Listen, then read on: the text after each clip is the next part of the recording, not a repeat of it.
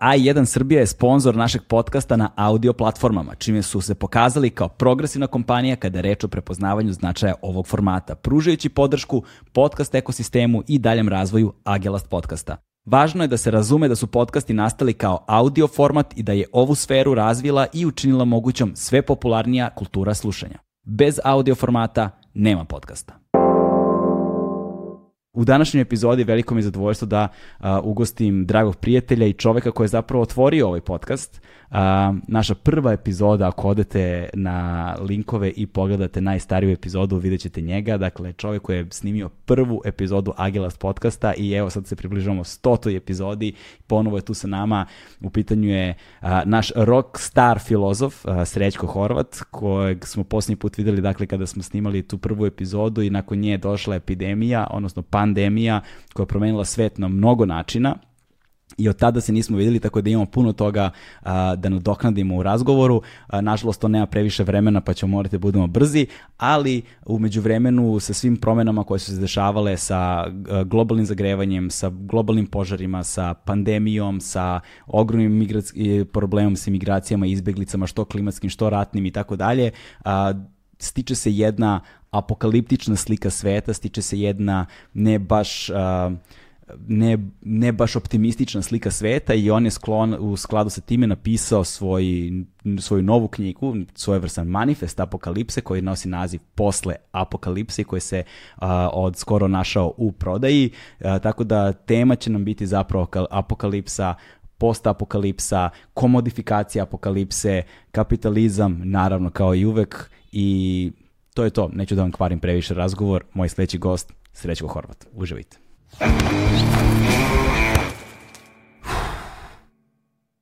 Hmm.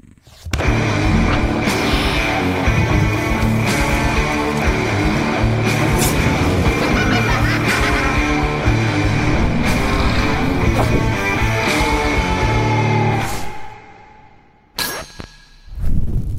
Desi kućo. Evo me u galeba. to, to, to. Ovaj, a, ti si bio prva epizoda koju sam ikada snimio, čoveče. Znaš, yeah. Bilo u značno drugačijim uslovima.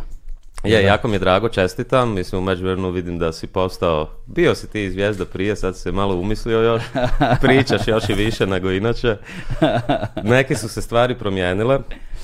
Mi sjedimo isto, ja mislim da si ti tamo sjedio, Tako ja je. sam ovdje sjedio. Imam istu šalicu čaja. Da, imaš istu šalicu, mislim druga je gajba. Znaš, drugačiji su uslovi malo kojima snimamo, nije više štap i kanap onako kako je bilo na početku, sada je to... Ne, ali stvarno, stvarno svaka čast. Mislim, ja sam uvijek znao da će to biti ono, mislim, postao si stvarno najgledaniji podcast na Balkanu. Da, to je na, na, najslušaniji. Najslušaniji, najgledaniji je malo a, problematična kategorija, zato što podcast u suštini ne bi trebalo da bude nešto da se gleda. Znaš, to je krenulo, ja mislim, sa krenulo je sa razno raznim, ali mislim da je to ono revolucioniz, revolucionizovao Joe Rogan i sa njime je zapravo evolucija gledanja podcasta zapravo krenula i on je kralj toga, apsolutni. Uh, I sada je to, ja mislim da je to sad negde kao novi standard kao podcast sfere, prosto ne postojiš toliko komercijalno ukoliko nemaš video podcast, ali primarno core publika podcasta je audio Znaš, mm. odatle je nastala. Znaš, počeo je odatle i ukoliko se kor izgubi, to onda više, znaš, to se onda razvodnjava i pretvara se nešto drugo, što je možda prirodna evolucija stvari, ne znam. Ali, ali drugačija vrsta publike koja sluša je drugačija skroz koja gleda i sa gledanjem je problematično da se nalaziš na drugačijoj vrsti platformi. Što sad, znaš, to je Google je tu dominantan, YouTube, znaš, to je sad, i ti si onda u košu sa spektrom drugih, druge vrste sadržaja, a na podcast aplikacijama si samo među podcasterima i tu je drugačija kultura slušanja i sve je drugačije. Tako da nije isto najslušaniji da, ali najgledaniji otvara se pitanje šta je podcast. Dobro, ti si naj. Na, ne, nisam naj, ne, nisam, nego stvarno, otvara se pitanje šta je podcast, znaš, kao ima gomila nekih formata koji postoje na YouTube-u, koji imaju formu intervjua na ovaj način, ovaj, ali ne postoje na podcast eh, distribuciji, na podcast platformama, ne postoje u audio formatu, ne možda ih slušaš nigde osim na YouTube-u. Mm. I onda se postavlja pitanje, uh, da li su podcast ili nisu podcast, sad je to neki, znaš. Tako da ne, ne bih rekao najgledaniji, ali najslušaniji. E, to je bi bilo preciznije. To je precizniji podatak. Kako si? Pa evo, dobro. A? Jel? Dobro, malo užurbano, nisam bio u Beogradu neko vrijeme. Tako Koliko da sad, dugo te nije bilo? A, pa bio sam zadnji put, puta nešto jako sitno u petom mjesecu, a prije toga nisam godinu i pol. Pandemija i sve. Mm. Mislim, ja sam često dolazim ovdje, ne samo u Beogradu, Vojvodinu posvuda, ali eto, život na otoku uzme danak.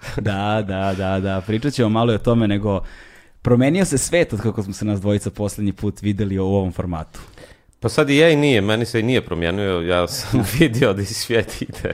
To je taj privilegovani život. Znači. A da li je privilegiran ili nije, to je drugo pitanje. Možda je nekad blaženo da se ne zna ono neke stvari. Mislim, naravno da se je promijenio, promijenio se i na gore, ali i na bolje u nekim, ne, nekim, nekim stvarima. Mislim, pandemija je nažalost i dalje ovdje, geopolitičke tenzije su sve veće, a, siromaštvo je sve veće, ekonomska kriza je sve veća, mislim dovoljno pogled, ne znam kako je ovdje u Srbiji, ali u Hrvatskoj rastu cijene gotovo svega, povrća, voća, a, krumpir, a, tjestenina, benzin, struja, plin, sve moguće. Dakle, ja mislim da, da nas tek čeka ono, da je ovo sve bila samo fusnota za nešto još gore što će se dogoditi. I to će nam zapravo biti najveći deo ovaj, e, tema u ovom razgovoru. Uh, samo bih volao nekako da prosto sumiramo taj period, jer e, simptomatično, znaš, ti si došao uh, kada je ovo sve bilo štapi kanape, kada sam snimao svoju prvu epizodu, Čekaj, e, je li bilo korone tad već? Nije bilo. Nije još. Mi smo bili mjesec dana pre korone. Aha. Mislim, bilo je vjerojatno. Da, da, da. da. no, mislim, mjesec dana pre što je zvanično to se sve desilo. Sad čekaj samo sebi da pojačam još malo ovaj. E, ov, mi smo bili, uh, sad ću ti reći, mislim da je 18. decembar bila prva epizoda. Hm. A u februaru se hmm. desilo sve što se desilo. Ovaj, I to je sad nekako... Uh, uh, drugi su nam teme bile. Znaš, pričali smo o Green New Dealu, pričali smo o assange pričali smo, by the way, kako je sada Assange, šta se sa njime dešava? Pa ja ga nisam vidio još od tad. Ne, tad kad sam bio kod tebe, onda sam nedavno prije toga bio u zatvoru u posjeti. Nisam se ni čuo ni vidio s njim. Situacija je grozna. On je već preko dvije godine u zatvoru. Traže ga na 175 godina zatvorske kazne u Americi. A, sad bi se trebalo nešto znat krajem oktobra, kada je ponovo suđenje. A, ne znam šta reći. Mislim, mi se svi prijatelji i suporteri trudimo koliko god možemo. Mislim da je to i dalje jedan od najvećih skandala novinarstva i izdavaštva da je takav jedan čovjek u zatvoru. Ali eto, to je politika.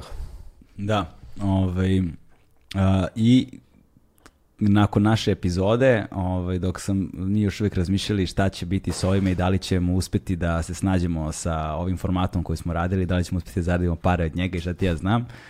U februaru se desio, mislim, zvani, počeli su ubrzo informacije o koroni da kruže, o Wuhanu, o svemu i februaru počelo, februaru je to zvanično bilo i u Evropi, krenuo, krenuli su lockdowni i ovaj, a, svet se promenio na više nivoa a, i ti si umeđu vremenu objavio knjigu koja se bavi negde time, koja, zove, koja nosi naziv Posla apokalipse. Si je pisao na engleskom ili na, na, na našim jezicima? na engleskom. Na Mislim, engleskom. ja zadnjih deset godina sve na engleskom pišem, pa se onda sve prevodi na naše Ega. jezike. Ovo je prvi prijevod.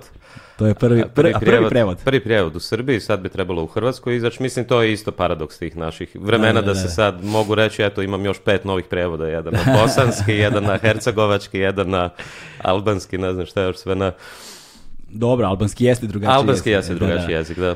Ovaj, a, posle apokalipse, jer to sad, je, je sad na engleskom bilo after apocalypse ili post apocalypse? After apocalypse. After apocalypse, pošto ovde ti govoriš o konceptima post, hmm. post apokaliptičnim konceptima o kojima ćemo govoriti. Ovaj, nažalost, ova knjiga još uvijek nije zvanično u prodaji. Možda kada bude ova epizoda objavljena, knjiga će biti u prodaji. E, ja sam je vidio u knjižarama danas. Ili jeste danas u knjižarama? Jeste, da, da, da, okay, da. ja sam je dobio juče ili prekjuče, nisam stigao da je pročitam, pročitao sam ovaj uvodni deo prvi najavi samo mhm. od nekih 50 strana, ovaj, ali nisam uspeo da pročitam ostala, ostala poglavlja. I Uh, vrlo je zanimljivo, um, uh, ti si zapravo u ovoj knjizi obuhvatio negde sve neke neuralgične ključne tačke koje su se poslednje dve godine desile kako kod nas, tako i u svetu. Ovaj, I koje poređene tako sukcesivno jedno za drugom daju jednu sliku sveta koja nije baš optimistična i koja govori o um, ne, ne samo o apokalipsi i o tom post, post-apokalipsi što ćeš da objasniš sad kao fenomene, nego govori o um, jednoj potrebi za radikalnom društvenom globalnom promenom kao preduslovom da se izvučemo iz onoga što nam možda sledi. Uh, gde bi možda najbolja tačka bila da počnemo zapravo razgovor ovom, da možda počnemo o tome šta je, e, šta ti podrazumeš pod apokalipsom kada govorimo e, u ovom kontekstu. Da, pa mislim da je to najbolji mogući da, da, početak, da. jer se apokalipsa često i kod nas i vani na engleskom često se brka sa krajem svijeta, sa smakom svijeta. A, međutim, ja se u toj knjizi vraćam na originalno grčko značenje apokalipse koje znači ot, otkrivenje ili na srpskom otkrovenje, a, dakle jedan termin koji nam je poznat iz religije, a, međutim nije nužno samo vezan uz religiju, ali moja poanta bila da ono što se dogodilo u zadnjih dve godine, ali ne samo u zadnjih dve godine, nije tu samo pandemija bitna, ja mislim da je pandemija zaista jedna mala fusnota mm. i upozorenje za ono što slijedi i da je zapravo samo jedan segment nečega što nazivam eshatološkim prijetnjama čovečanstvu uz klimatske promjene, nuklearnu prijetnju, potrese, zatopljenje, sve različite moguće egzistencijalističke prijetnje koje možemo zamisliti i u tom smislu govorim da sve te prijetnje zapravo predstavljaju neku vrstu apokalipse, ne u smislu kraja, jer kraj se još nije dogodio, odnosno kraj se događa svaki dan, svakome je, nek, nek, svakome je smak svijeta neki dan. Mm -hmm. a, a, mnoge kulture, civilizacije su izumrle, a, mi se nalazimo usred šestog izumiranja vrsta, dakle u zadnjih 500 milijuna godina a, bilo je pet izumiranja vrsta, gdje u svakom tom izumiranju koje je zapravo neka vrsta geološkog treptaja oka u usporedbi sa, sa godinama e, nastanka planete, ali i univerzuma, u svakom tom izumiranju je nestalo 75% vrsta. E, nešto slično se događa trenutno, postoji ta teorija koja se zove antropocen, koja je po meni dosta antropocentrična, dakle teorija da je čovjek svojim djelovanjem, e, da je po prvi puta neka vrsta na, na, na zemlji, mislim da to već zvuči jako preuzetno, s obzirom da mi ne znamo što je bilo prije milijardu godina ili dvije milijarde godina. I da možda nismo, da možda nismo 1.0 verzija ljudi na ovim naškom. Apsolutno, ili da je postojala neka druga vrsta koja je možda evolucijski dostigla nešto drugo što mi sami ne možemo ni razumjeti. Mislim, nije ovo da. Balkan UFO info ili kako se već zove, pa nećemo ići u te strane, makar bi bilo zanimljivo pričati a, i o teorijama zavjera koje se danas rađaju, ali poanta je u tome da se danas zaista nalazimo u posebnom historijskom trenutku koji, i to odmah treba relativizirati, možda i nije toliko poseban. Dakle, možda neka treba, ova knjiga naravno jeste pisana kao neka vrsta manifesta upozorenja, da je sad zadnji trenutak, da je možda čak i već prekasno da promijenimo nešto, sad možemo pričati na koji način se to može mijenjati, ali mislim da je i ta teorija antropocena, dakle da je čovjek svojim djelovanjem utječe na geologiju planete i da će iza sebe ostaviti a, a, zemlju koja neće biti nastanjiva, a, što je donekle točno, ali mislim da je ta ta teza prilično antropocentrična, da polezi od toga da, da sve što valja na zemlji, to je naravno progres, napredak, eh, da je nastao i da će nestati sa ljudima. Eh, mislim da to nije točno, mislim da je da ne možemo ni zamisliti što će biti za 10.000 godina ili za milijun godina. Naravno, ja u knjizi govorim o tome da će i dalje postojati radijacija od svih tih nuklearnih testova koji su se dvijali, atomskih bombi i slično. Naravno da će se promijeniti geologija, naravno da će velik broj vrsta izumrijeti, naravno da ćemo se morati naviknuti na drugačiju vrstu ishrane, da ćemo morati promijeniti čitavu ekonomiju, naravno i da nekakva ekipa sa Silicon Valley i dalje sanja i ne samo da sanja, nego odlazi u svemir a, međutim mislim da to nije rješenje za, za, za spas planete, a i pitanje ako i nestani ljudi, da. sobota. Da. Mislim, jako je lijepo biti čovjek, naravno, i imati mogućnost čitati knjige, imati obitelj, e, susretati prijatelje, uživati u životu, ali mislim da neće biti smak svijeta nakon što mi nestanemo. Pa, uh, zanimljivo je to što si pomenuo sad sa odlaskom u svemir, uh, posebno ako govorimo o tom apokaliptičnom kapitalizmu koja je tapo, takođe posebna tema gde sad mi, za, gde zapravo sad postoje ekonomski modeli eh, zarađivanja na apokalipsi, što je posebna uh. tema i do nje ćemo stići, ali da se vratimo još malo na početak kad govorimo o tome, o tom značenju reči apokalipsa u tom kontekstu religijskog otkrovenja, ono bi možda adekvatni prevod u kontekstu toga o čemu mi govorimo bilo razotkrivanje da je zapravo sa pandemijom a, svi neki modeli, i o njima bi bilo lepo reći po kojoj reči, to globalno skretanje u desno u velikoj meri, a, teorije zavere, kako, je, kako su algoritmi i digitalne tehnologije zapravo umesto oslobođenja doveli novo, do, do, patili su nas u novo robstvo na neki način, ta borba za tržištem pažnje koja je sada Uh, koje je sada verovatno najveće rastuće tržište na svetu. Uh, najbrže rastuće tržište na svetu i možda najveće svetsko tržište umeđu vremenu i kako se sukobi i klasne podele sada dešavaju na jednim novim nivoima, uh, on sve to, svo to nekako nezvojstvo koje negde stajalo možda pona osob su bile posmatrane neuzajamno povezane sa, sa globalnom, za, dakle sa globalnom epidemijom, odnosno pandemijom, uh, desilo se zapravo ogoljavanje celog tog sistema, gde su sada svi ti neki hronični problemi postali uh, jasno vidljivi. Da, sad opet ima, ima, to je, ima jedan uh, uh intervju sa filozofom Frankfurt, Frankfurtske škole Adornom u Špigalu, njega novinar pita, pa eto, gospodine profesore, svijet se prije dva tjedna još činio u redu, a Adorno odgovora, meni nije.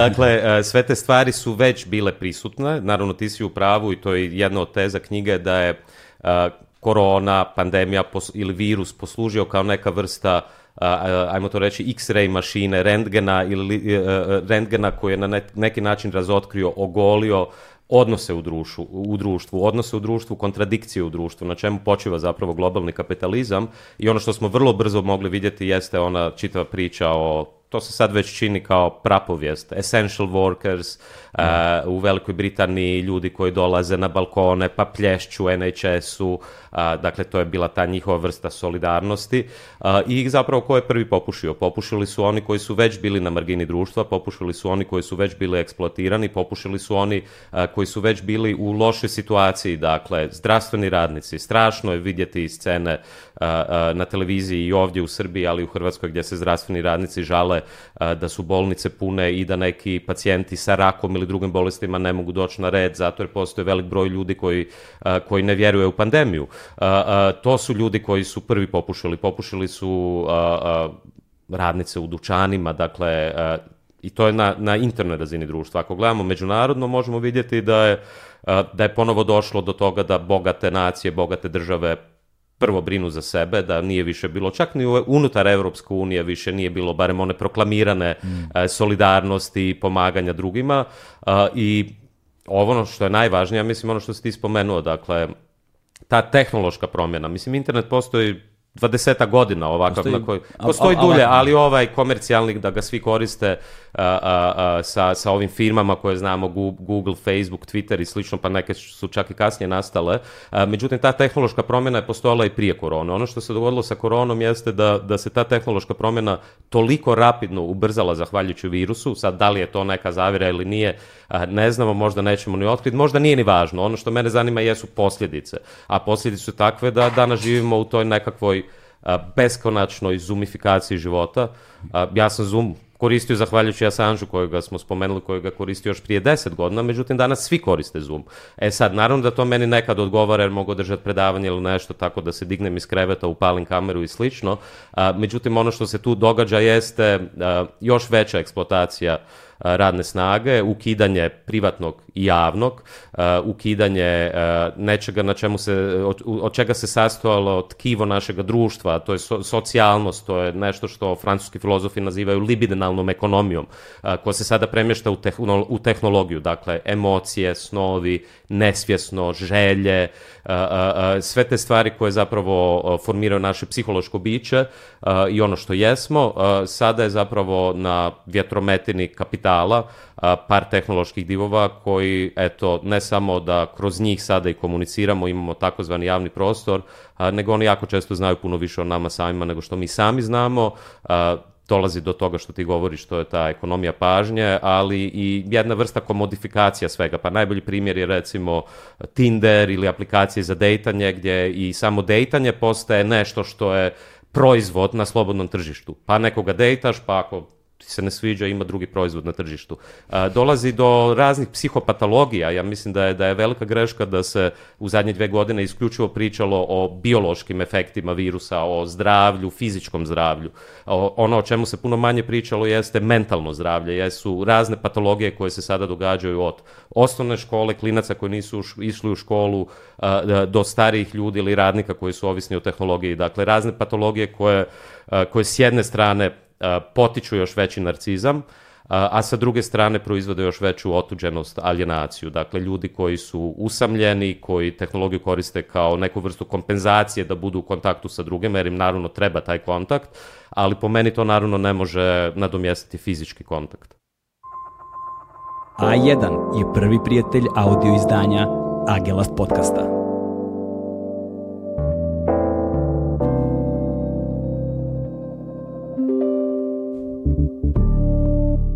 E sad, tu, se, tu si pomenuo dve stvari koje su vrlo zanimljive i ovaj, ovaj aforizam negde uh, sa, sa, sa, sa početka samog, uh, sa, same knjige je, je, je jedna od te dve stvari. Kaže, uh, obratite pažnju, dve tačke, uh, sekcija postapokaliptične fantastike premeštena na aktuelne događaje. Šta je to zapravo? Pa to je jedan znak koji sam ja nalazio prije korona, koji se prvi put, ja mislim, pojavio u Velikoj Britaniji uh, negdje u doba Brexita, pojavio se onda u Australiji nakon požara, pojavio se u Americi, uh, ja mislim, uh, netom prije nego što onda Donald Trump bio odabran za predsjednika, gdje zapravo već postojala ta svijest da mi već na neki način živimo u science fictionu. Ja se sjećam e, prvu emisiju koju smo imali, podcast ili kako god da, to da. nazvate i ovo lijepo druženje i razgovor. Uh, krenuli smo sa Men in High Castle sa... Ne, sa, ne, ili, sa, ne, sa Solaris. Ali sa Solarisom. Ali Solaris. smo onda pričali o Philip K. Dicku i zapravo Tako krenuli smo priču o science fictionu. Eto, prošlo je možda godinu i pol, dvije godine, u međuvremenu živimo taj science fiction. Uh, čak je mislim, science fiction je i dalje važan po meni, važan je zbog onoga što Darko Suvin, jedan naš veliki, veliki teoretičar, koji nažalost nije dovoljno priznat ovdje, ali eto i u Srbiji i u Hrvatskoj se ponovo objavljuju njegove knjige, koji on naziva nekom vrstom kognitivnog očuđenja po Brehtu, Verfremdung ili po Šklovskom ostranjenja, dakle da science fiction ima tu ulogu da na neki način razotkrije, ali istovremeno očudi ono što smatramo normalnim. Mi sad ako gledamo bilo koji science fiction, Handmaid's Tale, Children of Men, koji postaje i tekako aktualan danas sa, sa, sa padom fertilnosti i nataliteta generalno svugdje na svijetu, uh, oni, science fiction je imao tu ulogu da nam nešto očudi i da nam postane strano nešto što, što smatramo familijarnim i onda postaje unheimlik, nefamilja, nefamilijarno.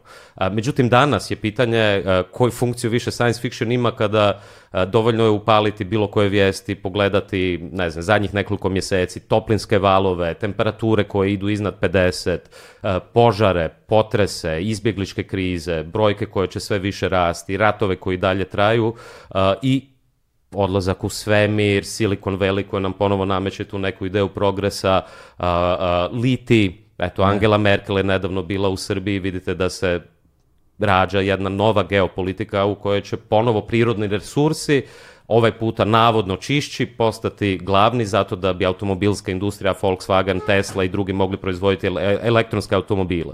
A pritom se ne postavlja pitanje naravno što će nam uopće automobili, zašto ne bismo imali javni prijevoz, zašto ne bismo imali nekakav prijevoz.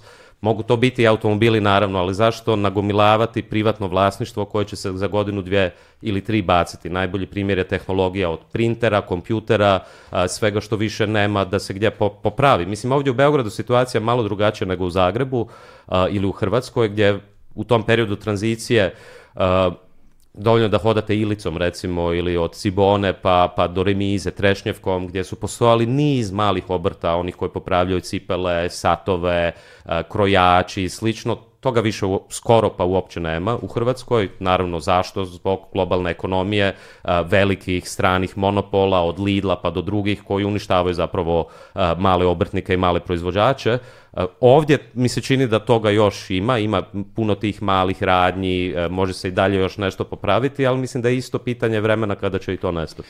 Pazi, e, nizak je ekonomski standard življenja za jednu takvu vrstu komodifikacije, s jedne strane, s druge strane nismo deo međunarodne zajednice, još uvek u velikom, na velikom... A dio ste vi drugih, raznih drugih zajednica, od Rusa do Kineza. između, između, između ostalog, da.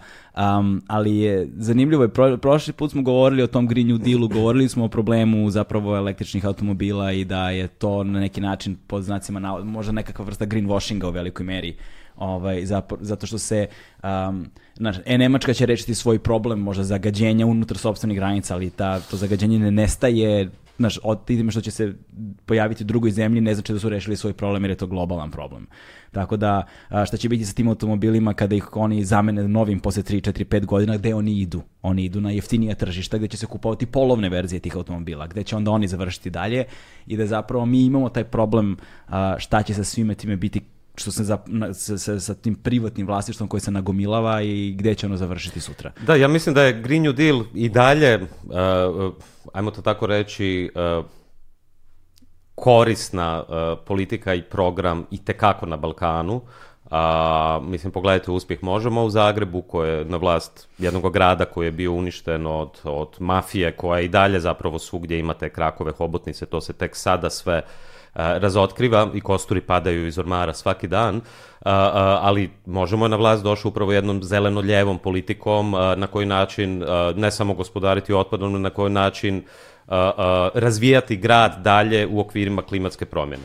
E sad, i u Beogradu a, ima sve više skupina i, i neki su od njih i men, meni dragi i dobri prijatelji koji se već godinama zapravo bave time ja mislim da bi naravno Green New Deal kada bi on uspio, dakle ne znam kako bi se to kod nas prevelo, zeleni novi kurs, a, da. kada bi on uspio na Balkanu, naravno da bi to bio velik korak naprijed spram ove ekonomije koju danas imamo, spram zraka koju dišemo da. u Zagrebu, u Sarajevu, se... u Beogradu. Međutim, problem je ovo što si sam spomenuo, a to nije samo greenwashing, nego da taj Green New Deal, ukoliko on nije globalan, ukoliko on nije u svakoj zemlji na čitavom svijetu, ponovo isto kao sa progresivnim oporezivanjem, to one Piketi, e, ponovo imate problem da će postojati države koje neće biti dio toga modela razvoja. A ono što je meni najveći problem u čitavom Green New Dealu jeste da to ostaje, koliko god da bi bilo predivno da ga sutra imamo, ali to ostaje jedna kenzijanska mjera, jedna mjera koja je zapravo socijaldemokratska, Naravno, bilo bi divno da mi danas imamo i socijaldemokraciju bilo gdje na Balkanu,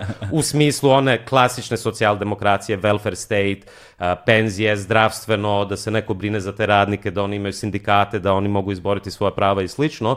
Eh, međutim, to ne rješava probleme koje imamo i koje opisujemo u toj knjizi. Dakle, probleme koji su globalni, problemi koji se neće riješiti time da jedan prirodni resurs, dakle fosilna goriva, zamijenimo drugim prirodnim resursom koji nam se danas može činiti čišćim, ali počiva na građanskim ratovima u Kongu, na eksploataciji, na, na dužničkom robstvu, na ponovo velikima koji dolaze u naše države i govore da su eto vrijedne zato jer imamo te resurse i za 10-15 godina ja mislim da, da ćemo se naći ponovo u sličnim problemima u kojima smo danas, a planeta naravno ima svoj sat koji otkucava. Da, Rio Tinto i slično, a s druge strane, i to je upravo ono što govorim, da, znači Green New Deal u kontekstu sadašnjih politika jeste dobar, ali evo, skoro je baš bilo, ne znam ta, kad tačno, ali zvanično objavljeno da se parijski sporazum neće ispuniti.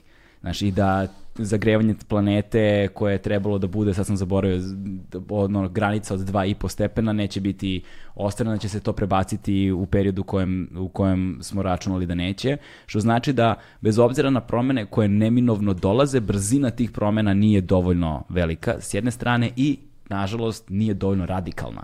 Da, ja mislim da je problem, između ostalog, mislim, zato ja, ja sam aktivan već uh, skoro 10 godina u raznim međunarodnim pokretima, od DM25 do progresivne internacionale, a, uh, jeste da jedini način, mislim, mislim da je dvostrano, s jedne strane ja mislim da je jedini način da izađemo iz te krize i da stvorimo na neku vrstu života na zemlji koji će se morati radikalno promijeniti, taman da mi sutra ispunimo sve zahtjeve Pariškog sporazuma, koji je po meni pre, preskroman, um, ali jedini način da, da, da se na neki način uhvatimo u košte sa time jeste internacionalizam, jeste međunarodna kooperacija. Uh, Međutim, ono što vidimo danas, korona je to također ubrzala, jeste povratak na državu naciju, povratak na, na, na države koje se zatvaraju, koje sve više liče na koje, nekakve feudalne tvorevine, gdje i unutar gradova, pa i Beograd je primjer toga, imate gated communities, dakle, ne samo čuvara na zgradi, nego će uskoro biti i ograde oko toga ili kao što u, u Rio de Janeiro bogati helikopterima idu preko favela, lete do... Mislim da, da to već postaje realnost.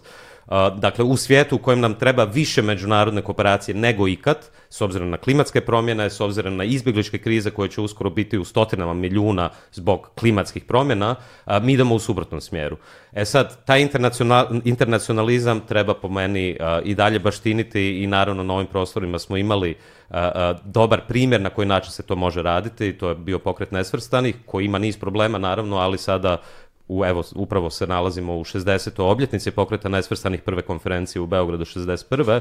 A, mislim da puno toga možemo naučiti iz toga, na koji način neke male zemlje mogu kooperirati ne nužno sa Kinezima, Rusima, Njemačkom, Francuskom, Amerikancima, nego se možda mogu okrenuti i prema našoj braći u Africi ili Aziji, a, koji su imali neka slična iskustva poput nas. A, a, sa druge strane, mislim da je to definitivno jedan smjer koji treba razvijati, ali tu je potrebna naravno i politika u smislu vlade, parlamenta i mhm. slično. A, međutim, ja mislim da ta reprezentativna, reprezentativna politika koliko god je važna, i to možemo sada vidjeti sa Možemo u Zagrebu, a nadam se uskoro i u Beogradu, a, a, ono što je po meni važnije nego ikad, i to je korona isto pokazala, jeste neka vrsta izgradnje autonomije, neka vrsta izgradnje samoorganizacije, samoorganizacije u smislu E, kreacije nečega što francuski filozof Michel Foucault naziva heterotopijom, dakle ne utopija nego i ne distopija, nego heterotopija e, u smislu prostora koji su postoji sa drugim prostorima. E, Primer toga su različite kooperative koje postoje u Kataloniji, u Grčkoj kao kao koji su izrasle nakon finansijske krize 2007. 2008. gde se ljudi sve više usmjeravaju jedni ka drugima, proizvode sisteme, pa čak i kriptovalute, makar sam ja prilično uh, kritičan sprem kriptovaluta, e, ali proizvode neki sistem koji nije nužno baziran na novcu, nego se, nego mhm. se radi o Trumpi, ali tu se postavlja i ključno, ja mislim, filozofsko pitanje još iz antičkog doba, a to je što je dobar život? Dakle, na koji način, meni je isto više dosta osjećaja krivice, dosta mi je nečega što u knjizi opisujem i to je bio prilično težak rad na ove knjizi jer sam na dvije, tri godine bukvalno se budio i išao spavati sa apokalipsom od čitanja do putovanja u Černobil, do, do, do, do koje kakvih scenarija sa kojima sam živio godinama.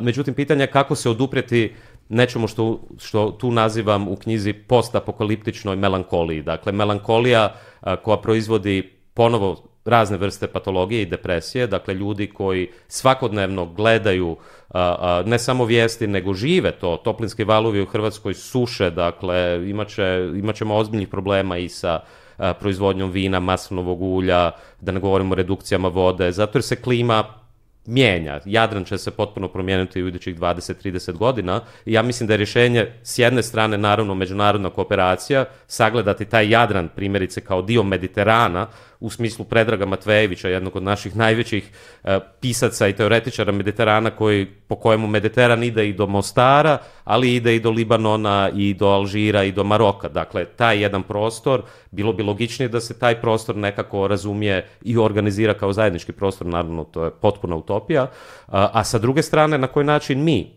ajmo reći, mali ljudi, ljudi koji imaju prijatelji, obitelji, koji žive na raznim mjestima, na koji način se mi možemo, ne prilagoditi, ja mislim prilagodba nije dobar način, na koji način se mi možemo uhvatiti u košta sa tim velikim promjenom. E sad, tu onda dolazimo do ključnog pitanja, a to je pitanje autonomije i samoorganizacije. Dakle, ako slušamo, evo, jučer sam čitao da će cijena plina porasti za 20%, da će struja porasti, postoji danas, zahvaljujući tehnologiji koja naravno jeste kontradiktorna jer ponovo koristimo te baterije, ali postoji mogućnost da budemo autonomni no ikad. I mislim da korona jeste u mnogim ljudima proizvela neku vrstu epistemičkog skoka, e, neku vrstu mentalnog skoka gdje se sve veći broj ljudi, barem mojih prijatelja ili one koje znam, okreće ka nečem drugom. Da li je to izlazak iz grada, da li je to pronalaženje nekakvih privremenih autonomnih zona, čak i unutar grada, neka vrsta samoorganizacije koja nije ovisna ni o državi, ni o kapitalu. Dakle, nešto što je van toga,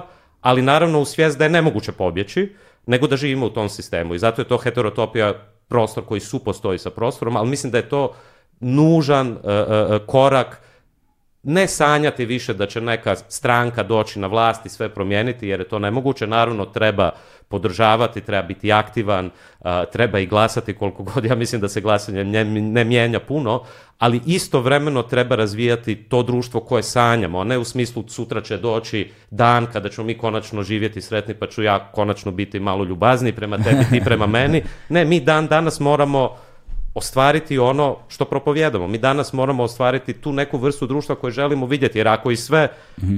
nestane u jednom trenu, a neće nestati naravno, ali ako dođe do potpunog kolapsa, do građanskih ratova, oni koji će opstati jesu upravo zajednice koje su stvorile neku vrstu autonomije. E sad, ti govoriš o uh, postapokaliptičnoj melanholiji, čime si negde možda preskočio dva koraka u razumevanju dolaska do postapokaliptične uh, melanholije na koje bih se fokusirao, ali kao samo da stavim ovde mental note o kritiku kriptovaluta, razumeš, pa da se vratimo na nju kasnije. Tu štikliram, malo nemam trenutno tefterče kod sebe.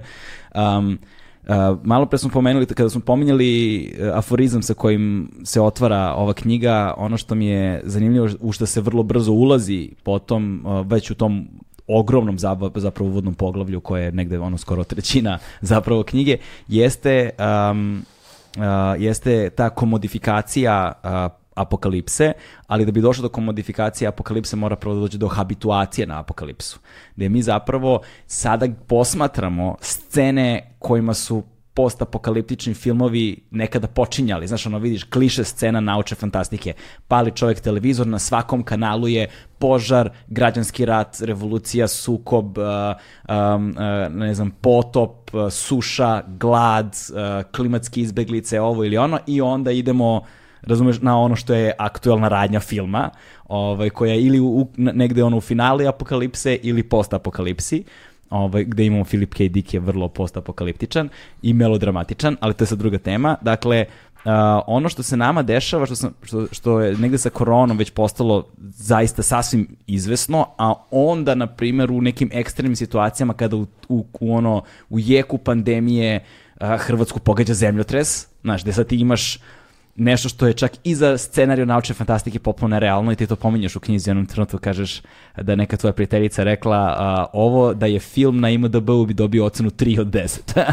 Jeste, što u Zagrebu, u Zagrebu su se zajebavali pa su rekli evo sad ćemo Godzilla čekat. Da. da. Jer što je iduće, potres, pandemija. E, a, zapravo mi smo, mi posmatrajući sve krize pona osob, sukcesivno kako se dešavaju, mi se zapravo na njih navikavamo i nekako nam se podiže prag tolerancije kroz to navikavanje i apokalipsa nam postaje new normal. Ono, mm -hmm. znači, to, postaje nam novi standard, postaje nam nešto što je sada obič, sasvim obična stvar koja je sastavni deo svakodnevice, i navikavanjem na tu apokalipsu dolazi do komodifikacije apokalipse, gde sada mi imamo ta a, a, apokaliptični turizam, kao što je Černobil. E, imamo, a, a, imamo apokalipsu kao proizvod koji se kroz popularnu kulturu, kroz različite deo, aspekte društva ono, prodaje i gde krupni kapital zapravo i dalje ostaje krupan na neki način. Da, mislim, mene, mene taj,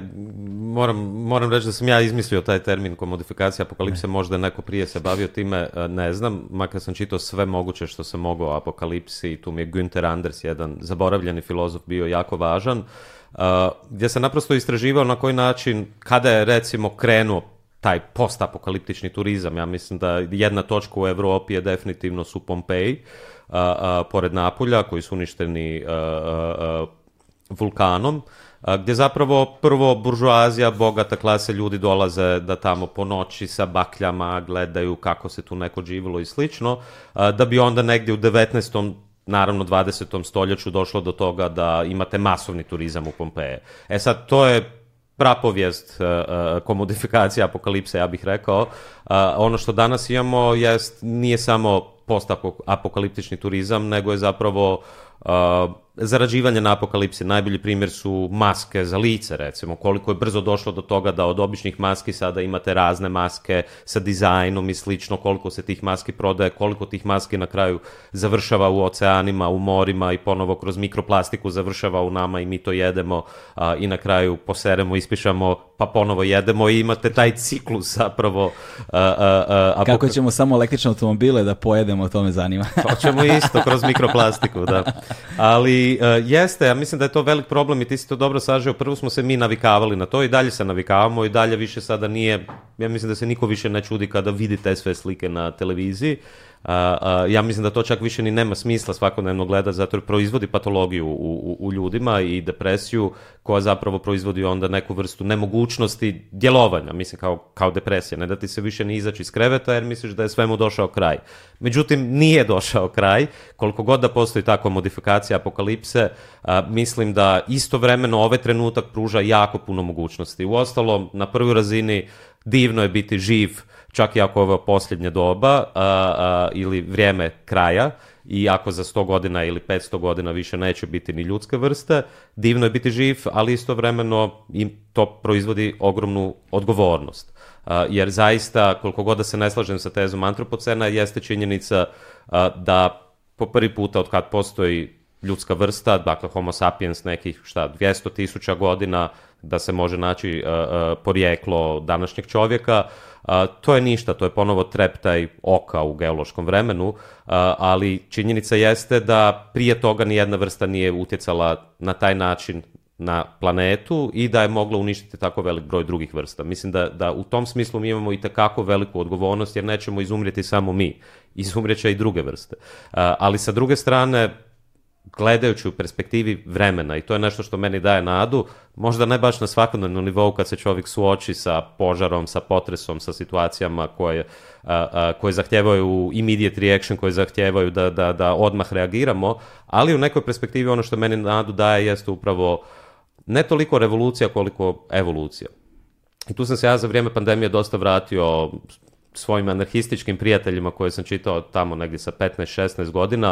A, a, od, kao na primjer? Kao na primjer Kropotkin, a, njegova knjiga o uzajamnoj pomoći, koja je po meni must read za, za današnje doba, upravo ima veze sa tom vrstom samoorganizacije, ali i sa tezom koja ide kontra Darvina, Makar Kropotkin kaže da i kod Darvina postoji već teza koja kaže da su upravo one vrste koje su kooperirale imale veću mogućnost za opstanak. Kropotkin ide dalje jer on nije samo bio anarhist, on je bio i ne samo princ, nego je bio i geograf.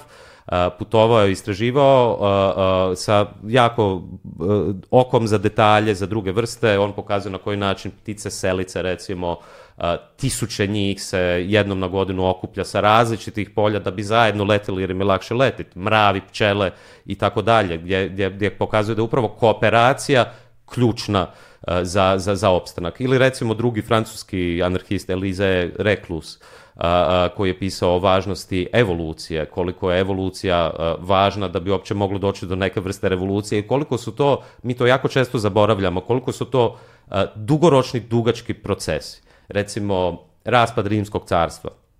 Mi uvijek imamo na umu da ima onaj stih, mislim da je Morčiba, uh, Rome wasn't built in a day, uh, međutim Rome wasn't, uh, uh, uh didn't collapse in a day, da, da, da. dakle raspad Rimskog carstva je trajao godinama godinama. I mislim da se mi danas nalazimo u jednom sličnom trenutku gdje zapravo, naravno da mi vidimo da je sve akcelerira, da je sve ubrzalo, da je sve više loših vijesti, loših efekata, da klimatske promjene nisu budućnost nego su sadašnjost. Međutim, to je također jedan jako dugoročan proces. Klimatske promjene su možda i prošlost. da, ne, u, na, neki način, na neki način jesu jer ja mislim da mi moramo izvrnuti temporalnu perspektivu. Zato je meni taj Günther Anders toliko važan u smislu, to se već jeste dogodilo, u budućnosti u kojoj tek trebamo doći. U smislu da uh, ono na čemu počiva globalni kapitalizam nije samo isisavanje uh, ekstrakcija prirodnih resursa, nego istovremeno ekstrakcija isisavanje vremena iz budućnosti. Dakle, ono uzima na neki način vrijeme, krade vrijeme iz budućnosti da bi u današnjem dobu imali nešto što se naziva progres, a, a, a, tu fiksi ideju i iluziju da mi napredujemo negdje napred u povijesti, eh, premda recimo iz perspektive kvantne fizike nema ni iza ni naprijed, nego je to sve jedan trenutak a, a, i mislim da je to najveći mit koji su nam uspjeli prodati, a to je upravo ta vrsta progresa a, gdje znanstvene studije pokazuju kada bi svaki čovjek na planeti živio standardom kojim žive recimo zapadni svijet, da bi nam trebalo još četiri planete da bi svi tako živjeli. Dakle, moramo razmisliti i redefinirati što je to, da se vratim ponovno to, dobar život. Da li je dobar život a, imati novu kuću, novi automobil, novi bazen, i slično, ili je dobar život nešto drugo, nešto što je možda bliže, definitivno je bliže po meni Kropotkinu, uzajamnoj pomoći, solidarnosti, ljubavi, uvažavanju drugih i nekom suživotu sa, sa, sa, sa prirodom. Ne u smislu mistifikacije prirode, priroda može biti okrutna i često jeste okrutna, a, a, međutim neka vrsta suživota koji će poštivati ono što postoji u prirodi. Meni je tu u zadnje vrijeme upravo bivanjem često na Visu pomoglo čitanje o ne samo Mediteranu, nego i prijašnjim kulturama, paganskim kulturama, paganskim ritualima, grčkoj mitologiji gdje svako drvo ima svoju nimfu recimo, pa vi kad idete, kad ja idem gore na brdu pa režem neko drvo, razmišljam o tome i kažem oprosti, ne. prije nego ga posjećam, zato jer i to drvo je neko živo biće. Naravno, ne treba tu otići u fetišizam kod džajnisti, pa onda da metemo svaki puta da ne bismo ni jedno živo biće, ali treba biti svjestan toga da je jedno drvo nije samo jedno drvo, nego to je jedan dio jednog velikog sistema šume koji diše, koji komunicira međusobno. Evo vidiš, to je ta, ta promena u načinu razmišljanja zapravo, se vra, tu se vraćamo na tu, tu se zapravo vraćamo na nešto o čemu smo ti i ja govorili mnogo puta. Ovaj, mislim da smo to prvi put pomenuli kada, kada, kada smo posmatrali terorističke napade koji su se dešavali u Francuskoj. Uh kada je bio Charlie Hebdo. To se ne kad smo, to smo pa, pričali kod tada. Ne, ne, nismo pričali u podgledu, nego smo ovako privatno Aha. razgovarali. Znaš, kada je bio, ne znam, Charlie Hebdo, pa posle Charlie Hebdo, Bataklan, ovo, ono, i onda baš kada je bio Bataklan, nakon Bataklana, uh, se desilo to da su svi postavili na Facebookima na profilne, zast profilne fotografije u boju francuske zastave. Znaš, I onda nakon toga se 24 sata kasnije, čini mi se, desio Boko Haram sa 2000 stradalih, gde je odjednom kao niko nije stavio e, profilnu fotografiju zastavu Nigerije. Znaš ovaj, da se desilo isto kada je, ne znam, Notre Dame goreo, ali je istog dana gorela neka najveća džamija ovaj, eto, koje je simptomatično, ne znam ni ime, jel te? Ovaj, toliko o nasleđu iz kojeg dolazimo. Gde smo pričali kako, kako to da se za jedan deo kulturnog eh, nasleđa apsolutno ono, saosećamo se sa njime, a sa drugim delom podjednako tako velikog kulturnog nasleđa ne osjećamo ništa prema njemu, doživljamo ga kao neko drugo sa velikim D. I da tu zapravo go, smo govorili o tome da je um, da, je, da nema empatije bez identifikacije. I sada poslično tome, poenta zapravo ovoga, jeste kada ti govoriš o tome da ti moraš da se ono izviniš svakom drvetu ili da stvaraš odnos prema tom drvetu, to znači to pretpostavlja neku empatiju prema okruženju u kojem se nalaziš. Da bi se ta empatija desila, mora se desiti neka identifikacija. Da tebi, recimo u tom tvom slučaju, kroz čitanje mitova, i gde svako, znaš, grčkih, e, mit, grčke mitologije, gde svako drvo ima svoju muzu, pa sad, znaš, kroz poistovećivanje na neki način, kroz e, paganske tradicije, kroz prošle neke narode i tako dalje, ti zapravo dolaziš do nekih matrica u kojima upoznaješ određene elemente koji su možda zajednički uh, uh, tipski za čoveka kao takvog. I, kao, i da možda oni pretpostavljaju neku matricu kao kako sad mi da postanemo empatičniji, saosećajniji, to jest kako da se identifikujemo jedni sa drugima pre svega, znaš, da nemamo to kao što je izbeglička kriza, na primjer, što ti ja znam, gde konstantno se mi rigidno držimo za neke stvari koje nam možda nisu neophodne, ali Uh, takođe uh, taj zeitgeist, taj duh vremena u kojem mi živimo i u kojem svaka generacija živi u svom nekom, jel te? da bismo mogli da ga vidimo, moramo nekako da se izmaknemo iz njega, a, ali istovremeno da učestvujemo u njemu, da, jer ne možemo ne možemo da, ne možemo da menjamo nešto što ne razumemo. Znači, to je ono, to je zašto ja ne volim film Amelija Polen. Znači, zato što verujem da a, osoba koja ne razume ljude ne može da pomogne ljudima. Fundamentalno, mislim da je to ono, osnovna greška a, u, kar, u njenom karakteru. I onda je stvar u tome da um, a, um, negde Eh, kao, da, je, to, je to PSOA pisao uh, Banka anarhista? Jeste, jedan e, od mojih omiljenih uh, tekstova od Pessoa, da. E, pa to, kao, kao bankar anarhista, da zapravo jedini pravi anarhista je čovjek koji razume bankarski sistem i koji mm. dolazi iz bankarskog sistema, koji ima razumevanje i moć da unutar tog glomaznog sistema koji je toliko veći od običnog čovjeka može da ga upropasti iznutra. Znaš, i da negde uh, način na koji mi možemo da budemo ajde uslovno rečeno, anarhični u sistemu u kojem se trenutno nalazimo, koji je, koji je ono metastazirao na mnogo nivoa, znaš, mi bismo morali fundamentalno da naučimo kako da ga razumemo suštinski da bismo mogli da ga menjamo. Apsolutno, ja mislim da ono što je, što je tu ključno je s jedne strane jeste razumijevanje nekoga sistema koji je postojao tisućama godina dakle koji ide nazad, pa i naš jezik kojim danas pričamo ide nazad do Indoeuropljana koji su također imali sisteme vrijednosti, sisteme a, a, vjerovanja i slično koje će kasnije utjecati na stare Grke, na Rimljane gdje se nalaze slično recimo Dioni, dionizijske svetkovine su postojale u paganskim običajima Indoeuropljana na neki način već.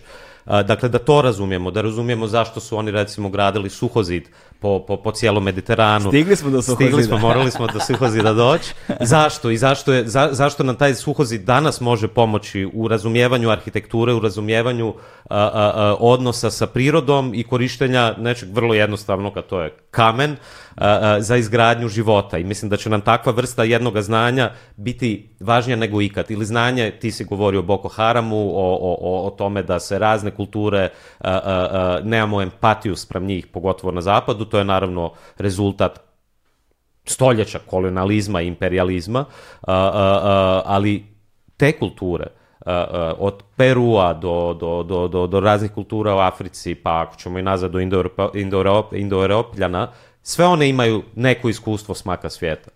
Uh, i, I to ne samo u smislu da su neke od njih potpuno nestale, odnosno nisu nestale, nego su na brutalan način istrebljene, uh, uh, nego i na način da su oni već kreirali različiti neke vrste modusa suživota sa prirodom i opstanka unutar a, i tad su postale razne vrste klimatskih promjena a, život koji je na neki način bio koji koji je uspio izaći na kraj sa smakom svijeta, na neki način, osim onih koji su istrebljene, naravno.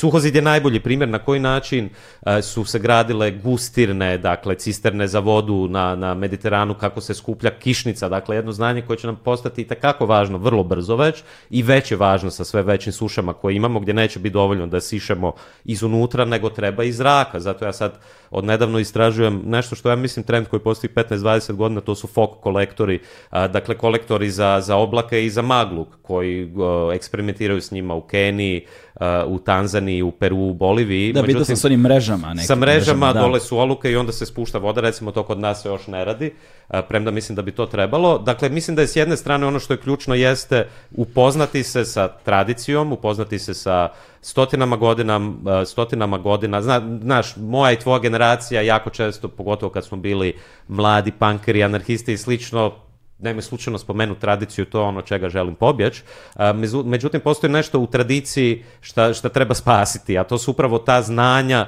koje su ljudi imali, znanje o vjetru. Ja recimo ovdje u knjizi o apokalipsi pišem poglavlje o Mediteranu, na koji način se jugo jugovjetar svača ne samo na, na, na Jadranu, nego u raznim kulturama postoji barem 20-30 imena za jugo od Izraela, da. Libanona da. do Maroka, Alžira, gdje su ljudi svačali da taj vjetar očito ima neki učinak do one poznate priče o Dubrovačkoj republici, da kad je puhalo jugo, a, a, da ako si nekoga prebio ili, ili, i, ili ubio, a, da bi imao blažu kaznu jer bi se uzelo u, u obzir da je puhalo ima, jugo. Ima Vojko V neki, neku rimu, ali ne mogu da je se setim. A nije, ne može. E, pa možda, ne, ne, nije, da. ne, mislim da nije, nije iz pesme Ne može, ali ne mogu da setim, u nekoj pesmi ima rimu na temu uh, Dubrovačke republike Juga, ali sad jebi ga, ako proguglaj pa mi nađi, brate. Ove, e, ali samo da se vratim, nešto mislim da je pomilova to... bi te sud, tako nešto, kad bi ubio nekoga nešto pomilo, ako bi pudu, pu, puho Jugo pomilovao bi te sud, e, tako nešto. Mislim, ja sam veliki fan Vojka V i to ne samo zbog one pjesme u kojoj me spominje pa Raspudić udara glavom u zid, a, nego i onoga što je prije radio sa dječacima, ima da, tamo one predivan stih, a, a i Jubavića boli i sunce šta sija i Galebi Palma i eto ti Dalmacija. Da. Pivaj. A, a, I to je predivna pjesma, ali da se vratimo na ovo, dakle potrebno nam je upoznavanje sa onime od čega smo se odmakli i od toga smo se odmakli između ostalog ponovo zbog ekonomskog sistema u kojem živimo gdje turizam recimo na Jadranu gazi sve mm. a, a, a, i gdje više nema tog odnosa osim starijih generacija sa znanjem i praksom koju su oni imali. Međutim, to je jedna strana. A druga je strana, da se vratim na ono što si ti rekao, to je, ja mislim, semiosfera. Dakle, negdje od 70. godina sa financijalizacijom kapitalizma, sa neoliberalizmom, zapravo ekonomija se sve više, odnosno primarno se odvija na razini semiosfere. Sem, se, semiosfera dolazi od riječi semiozis koje znači označivanje od znaka, od semiotike, dakle na, na, na, u sferi značenja film predivan uh, uh, Being There, recimo, je upravo o tome gdje uh, jedan vrtlar postaje glavna figura u, u Americi, savjetuje i predsjednika, zato jer čitavo vrijeme govori o, doći će poslije kiše, doći će sunce i slično, a oni misle da on neki financijski stručnjak koji je to. I onda to ima posljedice na burzi.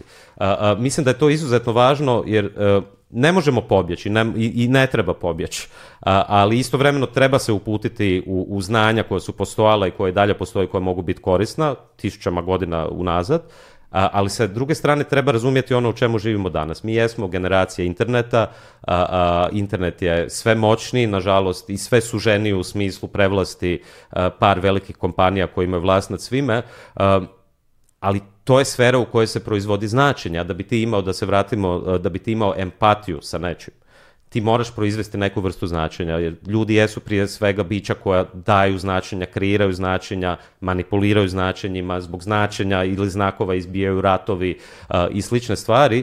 I tu je po meni najvažniji pouč, poučak onaj koji je Humpty Dumpty dao Alisi u zemlji čudesa, a to je kad ga je ona pitala, pa evo kako Humpty Dumpty riječi mogu imati toliko značenja a Hamti Damti kaže sve što je važno jeste tko je gospodar. Da, da. I mislim da je to upravo pitanje na ono kada, ti, kada si ti spomenuo da je bio teroristički napad u, u, u Parizu i onda Facebook svugdje stavi, svi stavljaju francuske zastave, pa jasno je zašto. Zato jer Facebook je gospodar značenja i zato jer je zapadna kultura koja podrazumijeva i kolonializam i imperializam u kojem smo mi najvažniji od svega, uh, nametnula takvu vrstu značenja. Ili poplave u Veneciji gdje su se svi zgražali, eto, velika umjetnička, čak i Bruno Latour, koji je inače jedan od tih uh, stjegonoša teorije antropocena, govorio o tome, eto, koliko uh, poplave su posvuda, tako nešto parafraziram, ali u Veneciji će biti uništena takva brojna dijela naše kulture, umjetnosti i slično koda u Bangladešu ili negde drugdje neće biti uništeno arhitektura da. ili nešto što mi ni ne znamo još cijeniti, zato jer naravno cijenimo zapadnu kulturu.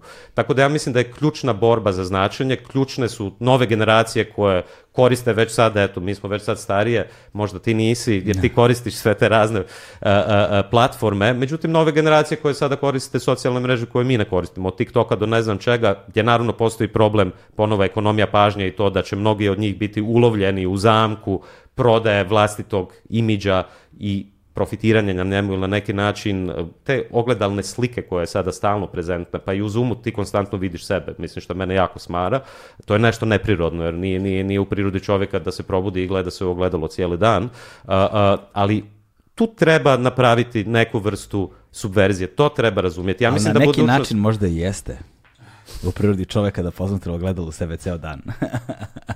možda kod tebe. ovaj, pazi, zato sam ja s jedne strane e, počeo da treniram treni, dresiram bukvalno sebe, zato što treniranje možda nije dobra reč, zato što mislim da je više neophodna dresura bukvalno, da koristim društvene mreže kao alat, a ne kao platforme za ono, ne znam, izražavanje sobstvenog ja ili za sakupljanje uh, društvenih poena, socijalnog kapitala. Znaš, to je zapravo ogroman problem što su se društvene mreže pretvorile u socijalni kapital u velikoj meri, što su lajkovi postali mm. stvari na berz, berzanska stvar, ono, gde znaš, sakupljanje tih stvari je a, počela da menja ono, fundamentalnu psihološku konstituciju nas. Ajde nas koji smo malo formirani i, i kao ljudima da i na nas ima ogroman uticaj i mislim da ono internet je sav, savrš, ono, internet je apsolutno uh, jedan od ključnih elemenata bolesti zavisnosti danas u velikoj meri. Ali za mlađe koji se rađaju sa društvenim mrežama i odrastaju i formiraju se sa društvenim mrežama u svojim šakama, ono, ovaj, a, za njih je mnogo veći problem. Zato što, što se njih tiče, to je tako od uvek bilo. Nije nešto što se desilo među vremenu. Mi znamo kada je bio početak toga. Naš pamtimo i vreme pre toga. Pa negde možemo da stvorimo nekakav odnos prema tome kao fenomenu proizvodu vremena. Ali što se njih tiče, to je tako od uvek bilo. Ne postoji vreme pre interneta. Da, ali zato mislim da su upravo oni ti koji mogu bolje skopčati šta se tu da. zapravo izunutra, šta se događa i mogu to hakirati. Mislim, primjeri toga su whistleblowers i od Chelsea Manning do Edwarda Snowdena, naravno da je mm. to mali broj ljudi, A, dobar primjer je Julian Assange koji je koristio internet 80. godina, upao u Pentagon sa 15 godina, koji već tada razumije u kom smjeru to ide, a, tako da ne treba bježati od tehnologije, mislim da je trebamo razumjeti, ali mislim da i svi mi pona osob trebamo individualno naći neki, ko što si ti rekao, tako ja nalazim neki način, recimo na mobitelu nemam instaliran ni Twitter, ni email, tako da kad sam u gradu, naprosto ta jedna vrsta realnosti ne postoji, neće se apsolutno ništa promijeniti ako ja dođem kući za 3 sata i otvorim svoj inbox. Ništa se neće promijeniti. Ako je nešto hitno, neko će me nazvati. Ali ta situacija u kojoj smo danas jeste da a, ste vi, i to je pandemija ponovo, da se vratimo na nju ubrzala, a, sve prisutni, svi misle da ste konstantno dostupni, umjesto da vam neko pošalje email ili vas nazove, neko vam zakaže Zoom sastanak gdje onda sat vremena trebate pričati o nečemu što biste mogli riješiti u 5 minuta. A, dakle, rađa se još veća ovisnost o tehnologiji nego kako postojala ah, prije. Svi ti sastanci koji su mogli da budu e-mailovi. Znaš, to je ono, znaš, kada, uh, koliko je vremena tu izgubljeno. Jeste, ta vrsta dostupnosti je relativno nova stvar. I zapravo tih 24 sata u danu više nije dovoljno. Prosto, mm. nije, prosto nije dovoljno jer se računa, a priori se računa s time da si ti dostupan. A priori se računa s time i sada se tebi odjednom uvaljuje ogromna količina obaveza koja ranije zbog tehnoloških nedostignuća nije bila moguća praktično, znaš. Ali sa vremenom pokušavam da se setim koliko vetrova bih umeo da nabrojim sada. Ok, Jugo, Bura, Maestra, ali ima Tramantan. Tramontana. Tramontata. Da. Uh, ok, to sam četiri vetra nabrojao, tako? Košava, dobro, to je ovde. Uh, jel može? Ima ih još masu. A dobro, sad ajde sad ne uzmemo ono uragan, uh, naš, orkanski i tako nešto, ali da... Da, ali kao... ima ih barem dvadesetak, ja mislim. Uh, u, a onda svaka, ja, postoje još i imena u pojedinim zajednicama ili manjim, naš, manjim mjestima gde ima još neko ime novo za vjetar. Da. Ali recimo to pokazuje koliko, na koji način je nama to postalo strano, a uloga vjetra kao što vidimo je sve važnija. Sve važnija, da. no. da. I dopala mi se ta analogija za, sa, sa kamenom i sa tom tradicijom gde, za, gde će sada ta, ta znanja koje su nam kroz tehnološki napredak, sad ovde napredak moramo pozna, stavimo pod znake navoda, ovaj, su nas udaljila od tog znanja kojem mi sad nek, na neki način moramo da se vratimo. Ovaj, i, I sada taj odnos a, te vrste znanja i savremene tehnologije govori o jednom onako postapokaliptičnom kontekstu uh, a, um, ka, kao, baš, baš kao eto u romanima Filipa K. Dicka koji je inače za ovaj kontekst značenja toj semiosferi o kojoj si govorio isto važno, on je rekao um, najvaž, najsnažnije oružje na svetu su reči, jer ljudi koji kontrolišu reči njihova značenja kontrolišu one koji moraju da ih koriste. I to je zapravo, tu, tu je možda ono, pobedio Hamtija Damtija na neki način. Nemoj dirati Hamtija da. Damtija. da, ovaj, e sada, um, taj tehnološki kontekst, i sad tu možda možemo da se vratimo polako na kriptovalute, da govorimo o tom krupnom kapitalu danas, da govorimo o toj uh, uh i, o, i o svemirskim putovanjima na taj način. Evo sad se desilo, ja mislim da je bio ovaj, uh, kako zove, Inspire 4, da se tako zove, da su prvi komercijalni let u svemir njih četvoro uh, koji zapravo tri dana obleću planetu Zemlju, što je sa jedne strane zaista neverovatno ljudsko dostignuće Znaš, mislim, to je negde jeste um, a, a, a, finale neke prve faze razvoja čovečanstva u kontekstu ono međuplanetarne vrste ljudi kao međuplanetarne vrste. Sada da zvučiš kao Elon Musk, to on pa neka, neka, Elon neka, Musk, neka, on isto to govori, ali ja mislim da je tu isto problem, jer to nije, kao prvo to nije nastalo sada, a, ono što je velika promjena je da sada umjesto onoga što je postalo u hladnom ratu, a to je bilo naticanje država, prije svega Sovjetskog saveza i, i, i Sjedinjenih američkih država, a, gdje istraživanja svemira je još uvijek bilo u sferi država.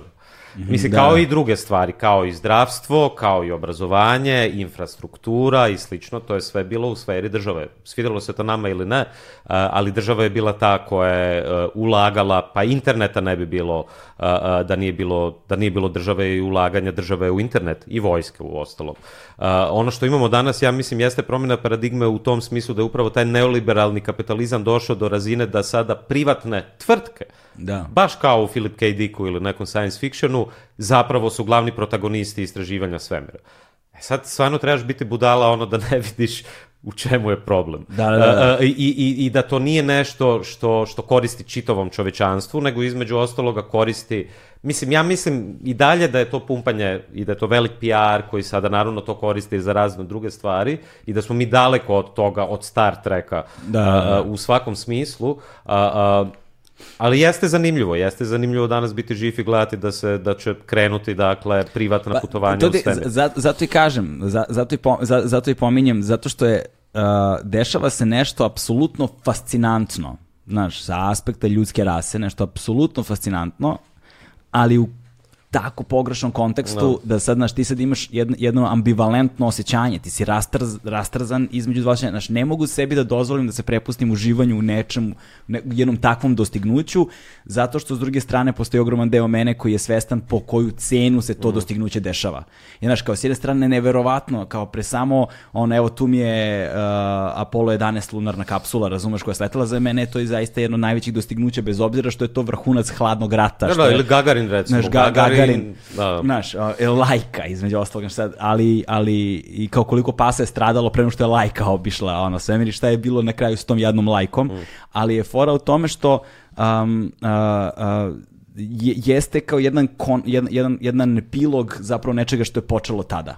Znaš, i posmatrajući tehnološki nemoguće ne biti fasciniran zapravo tim, tu možemo da stavimo progres bez znaka navodnika, ali onda stavljamo odmah navodnike zato što da li je to zaista progres ako uzmemo u kontekstu, ako to smestimo u kontekst Pa to je upravo progres u kapitalističkom smislu. Kapitalističko, dakle, doći ćemo na Mars da tamo repliciramo i kopiramo sve ono što Tako nije je. valjalo ni na zemlji. Ja sam razmišljao o tome i čak mislim da sam negde slušao ili čitao, više nemam pojma ni odakle mi, su, mi dolaze informacije, ali da već postoji neko raspravljanje ono teorijsko na temu kako će se parcelisati Mars. Mm. Znaš, jer pa je, naš kompanije će biti prve koje će zabosti tamo parče zemlje i kako je, je to Rousseau rekao, kako je civilizacija počela, tako što je prvi čovjek op, mm. opisao parče zemlje i rekao ovo je moje.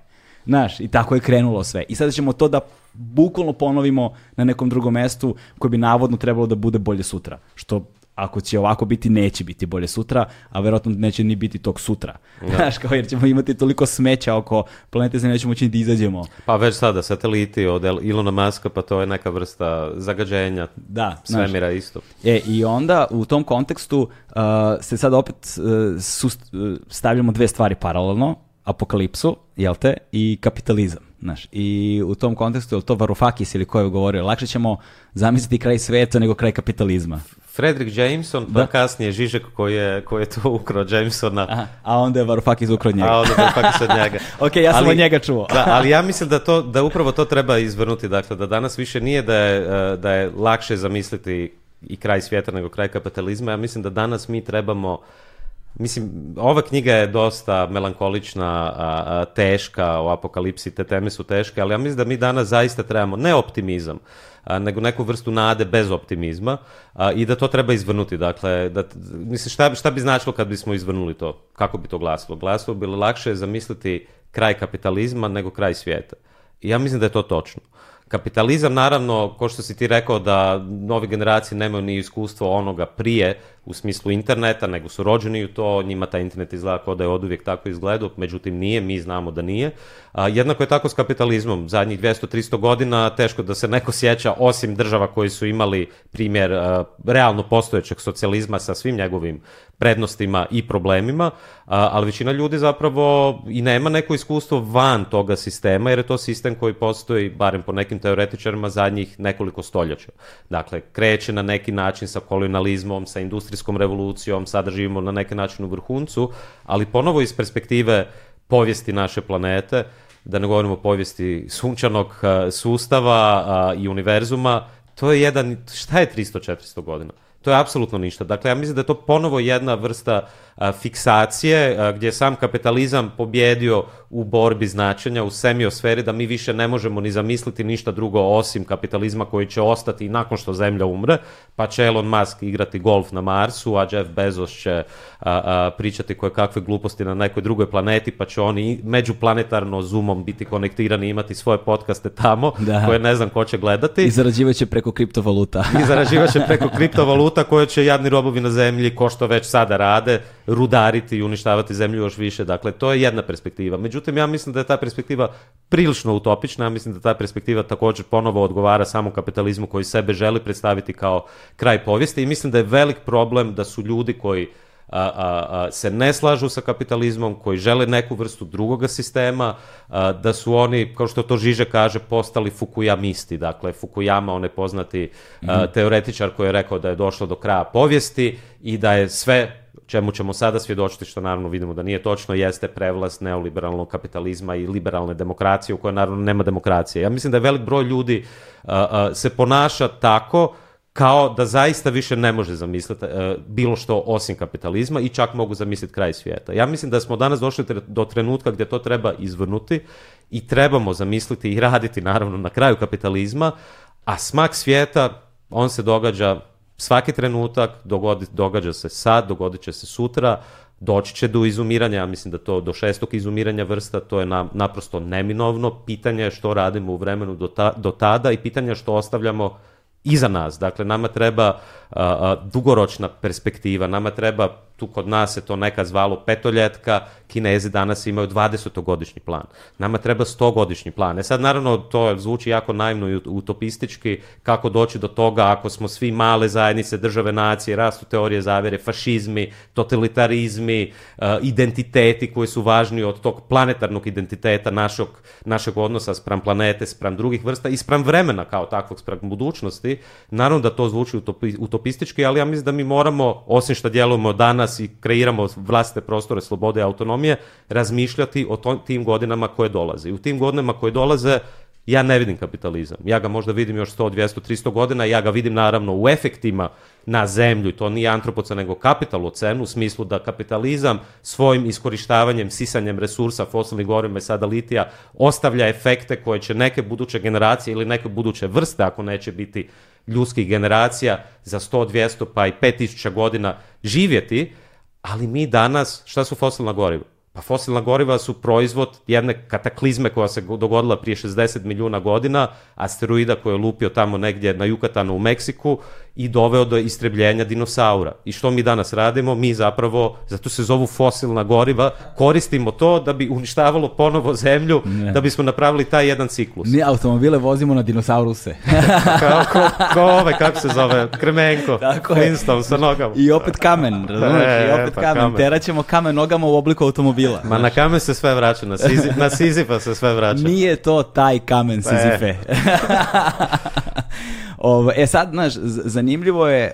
Um, e, u kontekstu tih država nacija i u rastu država nacija o kojima govoriš, um, znaš, kao kako se iskobeljati iz tog koncepta kad se pomenuo, spomenuo si malo pre tu nekakvu progresivnu internacionalu, znaš, mhm. kao kako, pro, kako se progresivna internacionala bori protiv uh, ono, država nacija?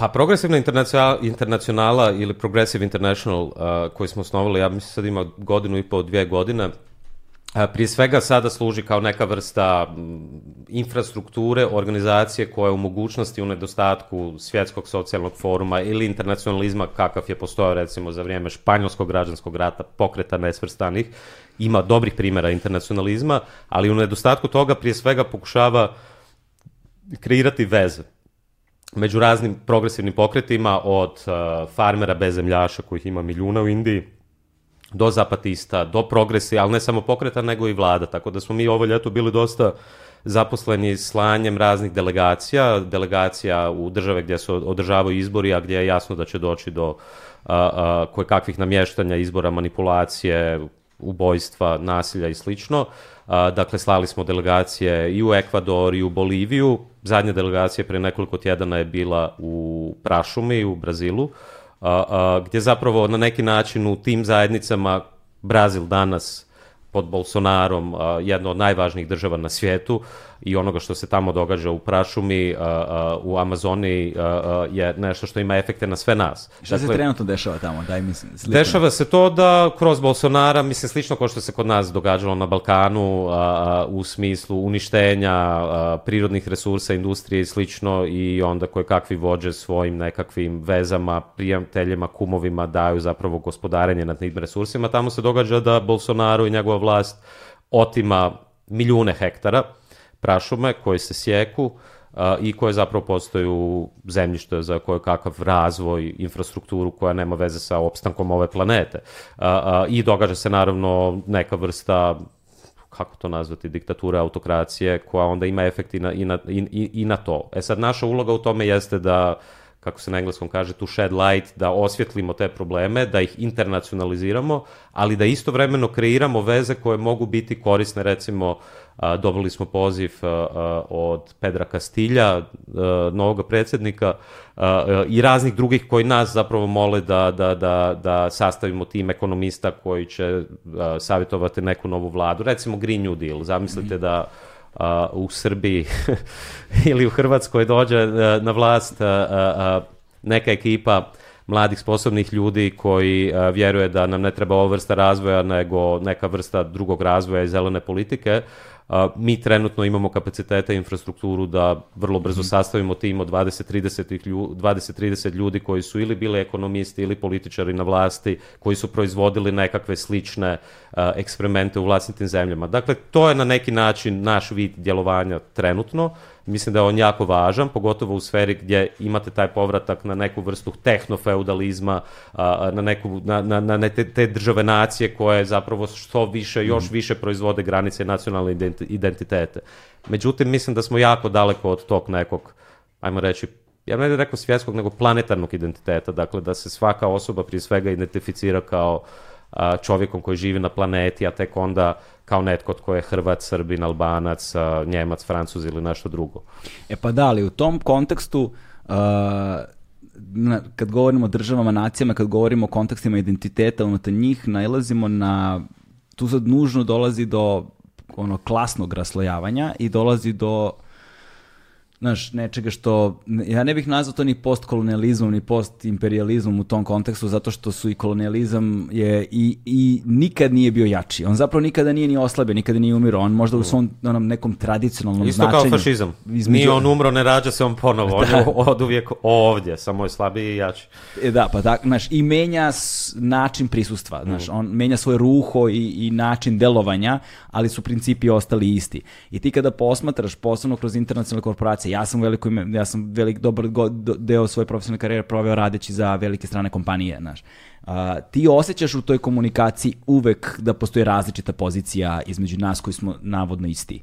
Znaš, i da je ona da se ona podrazumeva, da se ona podrazumeva da u dinamici komunikacije, u dinamici tog odnosa u potpunosti, mogućnosti koje ti se otvaraju, stvari koje se dešavaju, znaš, ruka koja daje uvek iznad ruke koja uzima u tom kontekstu, znaš, i, ovaj, i nekako, ja, znaš, taj, taj stanovnik zemlje a, deluje iz konteksta u kojem mi danas živimo, duh vremena koje danas živimo, deluje nemoguće znaš, u, u, tome kao, znaš, da li ćemo mi zaista biti jednaki sa, ne znam, Englezima i Francuzima i Belgijancima ikada u tom kontekstu, znaš, kako će se to postaviti, kako će se rešiti pustoš ono post, pustoš kolonializma sa afričkim i azijskim zemljama, znaš kao na koji način će se ili latinoameričkim između ostalo kad govorimo o tome šta je ne znam Holandija radila u Surinamu. Znaš, tako da ovaj E, strašno je teško zamisliti svet u kojem, u kojem te razlike više ne postoje.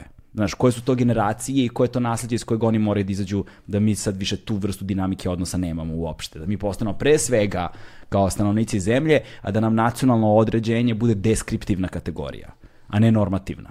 Znaš, to je... Naravno, ali opet iz perspektive prošlosti na, i budućnosti. Možda da. iz perspektive nužnosti. Da. Znaš, na, nužno, na granicama se nalaze motivi. Znaš, možda je upravo apokalipsa ili pretnja apokalipse potrebna da bismo to ostavili, taj prtljag negde iza i kao taj teret i da odemo napred. Po meni još jedno vrijeme sigurno nećemo, da pače, ja mislim trend kojim svjedočimo je da to postaje sve gore. Da. A, da, zašto? Postaje sve gore naravno zato jer kapital je od uvijek imao interes u tome da jednu skupinu ljudi uvjeri vi ste ovi, a oni su oni, i onda se mi borimo protiv njih, a istovremeno primamo jeftinu radnu snagu kao što da. Njemci primaju sa cijelog Balkana, ali dugoročno i sam koncept države nacije je, je, je, je nešto prilično recentno. Da. A, a, traje nekoliko stoljeća, Benedict Anderson govori o imagined communities, dakle može se pratiti, neki drugi govore o ferspätete nacionen, dakle o zakašnjenim nacijama, što zvuči dosta poznato ovdje, ali ako pogledamo projekt naših zakašnjelih nacija, zadnjih 30 godina, evo sad je točno 30 godina od, od, od 91 pitanje je kamo, je to, kamo nas je dovelo to obećanje, kamo nas je dovelo obećanje da ćemo mi sada imati svoje države, da ćemo imati svoj suverenitet, da ćemo imati države u koje, koje će biti prosperitetne, progres i slično. Pa evo, 30 godina nakon, ekonomija nikad nije bila gora, zaduženje je nekoliko puta veće nego što je Jugoslavija sve zajedno imala, tenzije u društvu su sve veće, suvereniteta od suvereniteta nema ni s, a, ni u Srbiji ni u Hrvatskoj, a, koja uskoro ulazi recimo u, u eurozonu i imaće euro uskoro, ili da ne govorimo o Srbiji gdje, gdje je jako velik utjecaj i Kineza i Arapa i Rusa, pritom ja ne govorim da ne treba kooperirati, ali ne treba džabe prodati svoj suverenitet za ništa. dakle, 30 godina nakon toga projekta da ćemo mi imati svoju državu naciju, šta imamo? imamo na vlasti bivše vozače, e, vozače autobusa koji su profitirali u ratu, imamo nove feudalce, pa evo Todorić je živio u dvorcu iznad Zagreba, imamo Bandića koji je umro, međutim oni koji su ga doveli na vlast, koji su ga pljuskali navodno e, po nekim pričama iz kuloara, dakle taj šef e, otpada u, u Zagrebu, oni su i dalje ovdje. Dakle, imamo države koje su rasprodane, imamo državu, Hrvatska je najbolji primjer svi su užasno sretni da je ovo bila jedna od najuspješnijih sezona. Ja se zaista ne sjećam kad je bilo toliko ljudi od početka do kraja još uvijek, ja sam došao prošli tjedan sa Visa prvu u Vojvodinu pa sad u Beograd, naprosto je ogromna količina ljudi i naravno da sam sretan da domaći ljudi mogu nešto zaraditi, a, ali tamo gdje su bile tvornice, tamo gdje, gdje, gdje je postojala neka vrsta ekonomije koja nije bila samo ekonomija uh, usluge, servis i slično, danas imate isključivo Airbnb, iznajmljivanja, pranje veša za te turiste koji će otići, slaganje kreveta za nove turiste koji će doći, služenje, trpanje novaca nakon sezone u džep, kupovina novog stana da biste iznajmili novi apartman, Jadran se pritom uništava, sve je zagađenije, sve je više plastike, domaći ljudi se ne mogu priuštiti ljeto, ljetovanja na Jadranu više, ima jako velik broj populacije u Hrvatskoj koji zadnjih 10-20 godina nikad nije bio na moru. Dakle, postajemo ponovo jedna vrsta kolonije. I to je nama naša borba dala. To je nama 91. dala da se jedan dio tih 200 obitelji o kojima je govorio Tuđman obogatio, da su i dalje na vlasti na koje kakve načine, da imaju firme, tvrtke koje kooperiraju sa strani tvrtkama i koje, bog za zašto, daju prirodne resurse koji više nisu u vlasti građana te države. A da ne govorimo o tome da je da su tisuće ljudi, veći broj ljudi je u zadnjih deset godina ošao iz Hrvatske nego za vrijeme uh, deset godina e, u Jugoslaviji, kad bismo usporedili različite periode, mislim da preko 300 tisuća ljudi u zadnjih deset godina u Srbiji, da ne govorim, to smo vidjeli kad je pandemija izbila, pa kad se onaj velik broj ljudi vraćao u Srbiju, tek smo tada vidjeli koji je to broj ljudi, dakle, nema više obrazovanog kadra koji ostaje u državi jer ne žele raditi za kikiriki, a u osnovu trebaju im novci, odlaze, odlaze mladi, sposobni ljudi, u državi ostaju samo kreteni, da tako to kažem, koji vladaju naravno nacijom koja više ne postoji, demografija. Demografija pokazuje da će do, do 2050. godine e, se broj stanovništva radikalno smanjiti u svim našim državama, pritom i tu se sad vraćamo na moguću budućnost, koja ne mora nužno biti loša, e, populacija u Nigeriji će narasti na skoro milijardu. Dakle, Afrika E, e, se vraća, vraća se tamo i krenulo na neki način, vraća se e, i to će uglavnom biti mladi ljudi od 20-30 godina koji će biti sposobni. A sad naravno šta će Evropa uraditi, kao i obično ja ne očekujem tu neku vrstu utopije pa će reći evo braća, braćo iz Afrike kao što je to bio slučaj sa, sa pokretom nesvrstanih, dođite, studirajte, vratite se u zemlje, mi ćemo slati naši inženjeri, arhitekte, zajedno ćemo graditi ne, nešto što nije ova distopija u kojoj živimo, Naravno, ono što će se dogoditi jesu, i to se već sad događa, granica između Mađarske, zid između Mađarske i ostalih država, taj jedan konzervativni val koji će naprosto ljude ubijati kao da se radi o topovskom mesu. To se u ostalom događa na, na Mediteranu, to se događa u našim susjedstvima, u našim državama koje su proživljale rat, koji su imali izbjeglice. Uh, uh, uh, Međutim, danas imaju druge izbjeglice koje doslovce dolaze iz Afganistana i ponašaju se prema njima kao da su oni neprijatelji koji će nama oduzeti ne znam šta, a pritom jedan velik dio like, velik dio otoka je po, naprosto pustoš. Koji broj ljudi bi se tu dao naseliti? E, mislim, sad naravno da će mene napasti neki pa će reći, jesi ti budala, ti želiš da mi tu sad naselimo ljude iz Afganistana i ne znam šta.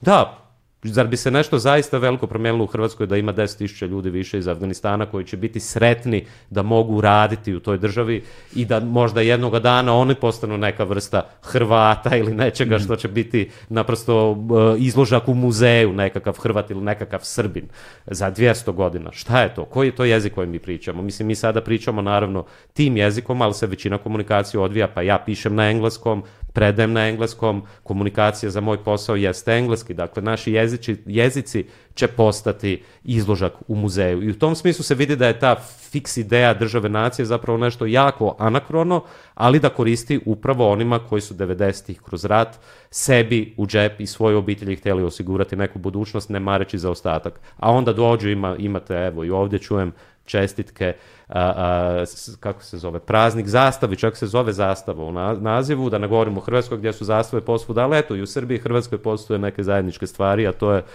ponovo vraćanje na 90. ponovo kre, kreacija tih identiteta, a, kao da su nama sada u Hrvatskoj problem Srbi ili kao da su u Srbiji problem Hrvati ili, ili Kosovo. Dakle, imamo puno, puno veće probleme, dok se planeta uništava i raspada, mi se eto ponovo uh, kao budale borimo sa nacionalnim identitetima. Između ostalog, ovaj, a, Afganistan se takođe desio među vremenom, sad se ga i sam pomenuo i vrlo je zanimljivo razmišljati sada u tom kontekstu ono, američke, američkog boravka tamo 20 godina i kao povlačenja i ovoga što se dešava, kako tebi to izgleda?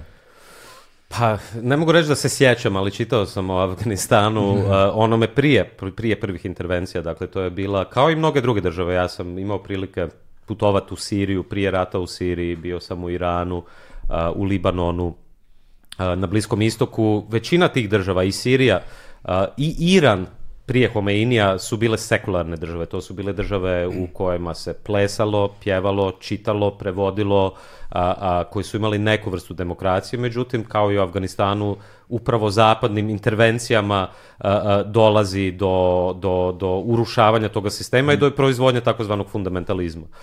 Ono što se događa u Afganistanu, naravno, je skandal na mnogo razina, nedavno sam pročitao podatak da je, da je Hrvatska u, misija u Afganistanu, pazi Hrvatska koja šalje misiju u Afganistan, kao da ćemo mi ikome pomoći, je koštalo više nego Pelješki most. Dakle, umjesto da, da, da, da, da da se ti novci da su se ulagali u infrastrukturu u samoj zemlji, mi smo eto za svoju braću, sestre iz Amerike, velikoga brata, slali vojnike da, da tamo rastjeruju jadne Afganistance i, i to je samo mali primjer gdje su ostale države.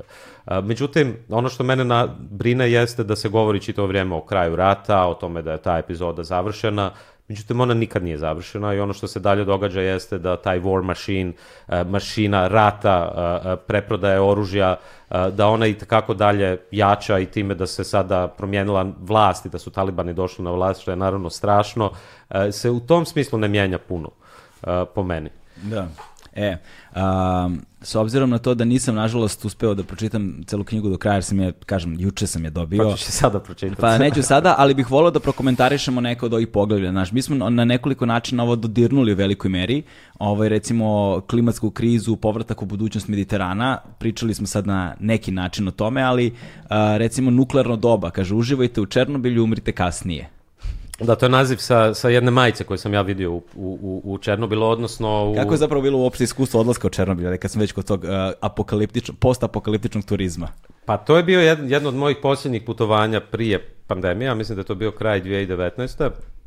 Ono što sam htio, naravno, ja sam sad mogao tamo otići sa ovima stalkerima, a, a, a, koji postoje ljudi koji tamo u taj zone of exclusion, što je neki 30 km kvadratnih, ja mislim, je Černobil samo jedan mali dio, pa je tu Pripjat grad od 50.000 stanovnika ostali, naravno svi su gledali tu seriju HBO-a Černobil, koji je po meni još jedan primjer komodifikacije i uskoro ću ispričati uh, jednu priču koja potvrđuje da je to komodifikacija i koliko je Hollywood važan u tome. Uh, dakle, mogao sam ići na tu neku turu, da idem sa ljudima koji žive tamo, da idem uh, na mjesta koje ne posjećaju turisti, ali ja sam za ovu knjigu baš htio doživjeti to iskustvo turizma.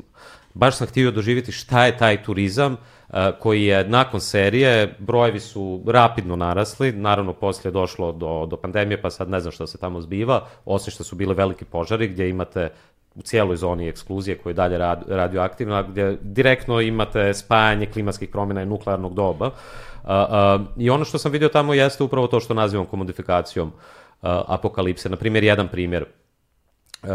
Kada dođete tamo i uđete nakon tih rampi, e, naravno cijelo vrijeme imate taj Geiger, pa vam on malo diže, malo spušta, da postanete svjesni gdje je koliko, kakva vrsta radijacije. Kako je to putovanje ako nemaš Geigerov brojač, a? Mislim. Uskoro, uskoro i u Beogradu i u Zagrebu uvijek ćete Dobre. imati Geiger. Uskoro i u svim bolje snabdevenim radnjama u vašem komšiluku. uskoro za 200 tu emisiju tvoj sponsor, Geiger. To, to, to, Geiger, to, to, to, to, to. Ne bi me čudilo, ja da ti kažem. Da, ne bi ni mene, da. I uglavnom, mi dođemo tamo i događa se nešto slično. Izvini, ono će biti ko ima bolji Geigerov brojač. Šta, imaš taj stari model kao vidi moj, kao ima i selfie. da, ili će imat mobitel sa Geigerovim pa brojačem. Pa to, mobitel sa Geigerovim. To, to, je to. Normalizacija apokalipse. Ali primjer teko modifikacije je nešto slično što sam vidio u Dubrovniku prije par godina i to svake godine možete vidjeti u Dubrovniku. To su one skupine ljudi gdje postoji vodič i pokazuje ovako nešto ja bi se onda prije par godina baš sam se približio da vidim šta pokazuje, da li je to nešto da ljudi saznaju kako je Dubrovačka republika a, bila veoma uspješna u, u, u, borbi protiv kuge recimo. Dakle, prva maritimna, prva a, karantena na moru je prije Venecije bio Dubro, Dubrovačka republika. Ne, ti dođeš tamo, oni pokazuju slike iz Game of Thrones. Ovdje se dogodio King's Landing, ovdje se dogodilo ovo i ljudi gledaju Dubrovnik koji ima tako zanimljivu povijest, sa jednim fikcijskim, nije problem u fikciji, ja obožavam fikciju, ali sa proizvodom Hollywooda koji komodificira sam taj grad. I sad ti dođeš u Černobil, u Pripjat, mi hodamo Pripjatom, to je onaj grad gdje 50.000 ljudi je trebalo biti evakuirano u nekoliko, u nekoliko sati, mislim da je malo dulje trajalo. Uh, izgleda fascinantno, naravno, postoji ta neka fascinacija apokalipsom i svijetom bez ljudi, definitivno. Postoji nešto što je unheimlich, freudovski, nešto što je teško razumjeti, a to je uh, radijacija koju ne vidiš slično kao virus, uh, vidiš efekte naravno, ali ti ne vidiš nju samu uh, i vidiš prazne zgrade gdje su ljudi živjeli. Mislim, to je ko kada nismo nešto slično vidjeli nakon rata i dalje postoje razrušena mjesta i dalje postoje razrušene kuće gdje su ljudi imali nekakve živote, nekakve sudbine i ti vidiš njihove predmete i vidiš da je neko živio tu. A, a, međutim, ono što se događa tad je jako slično Dubrovniku, meni se to dogodilo u Pripjatu.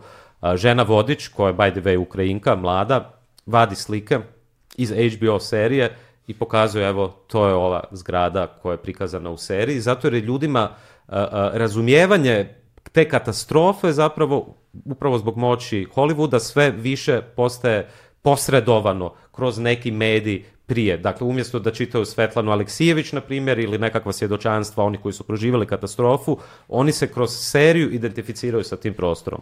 Tako da ti kad si i tamo, teško je zapravo doživjeti to nešto, koliko god da imaš neki grči Geiger ti pokazuje i slično, zato jer si već u jednoj vrsti komodifikacije, u jednoj vrsti turizma koji onda pro, prodaje majice, prodaje e, zrak iz Černobila, ne znam šta. Ra, zrak. Zrak bukvalno, ma mislim to nije ništa novo, prodaje se zrak na, razli, na prodaje se, vidio sam i tamo na, na, na Zelenom vencu, prodaje se zrak u Beogradu već isto, šalim se, ali, ali uskoro in your Town tu. Uh, dakle, uh, to je strašno, ali sa druge strane meni je to putovanje zaista mm, otvorilo neke vidika, prije svega razmišljanje o nuklearnom dobu, dakle o, o dobu koje nikada nije prestalo, koje je naznačeno sa Hirošimom i Nagasakijem, tim ogromnim tragedijama a, a, a, prošlog stoljeća, ali i sa raznim drugim događajima koji, o kojima se ne priča toliko. Recimo, postoji tu poglavlje o, nakon Černobila, poglavlje u knjizi o Marshall Islands,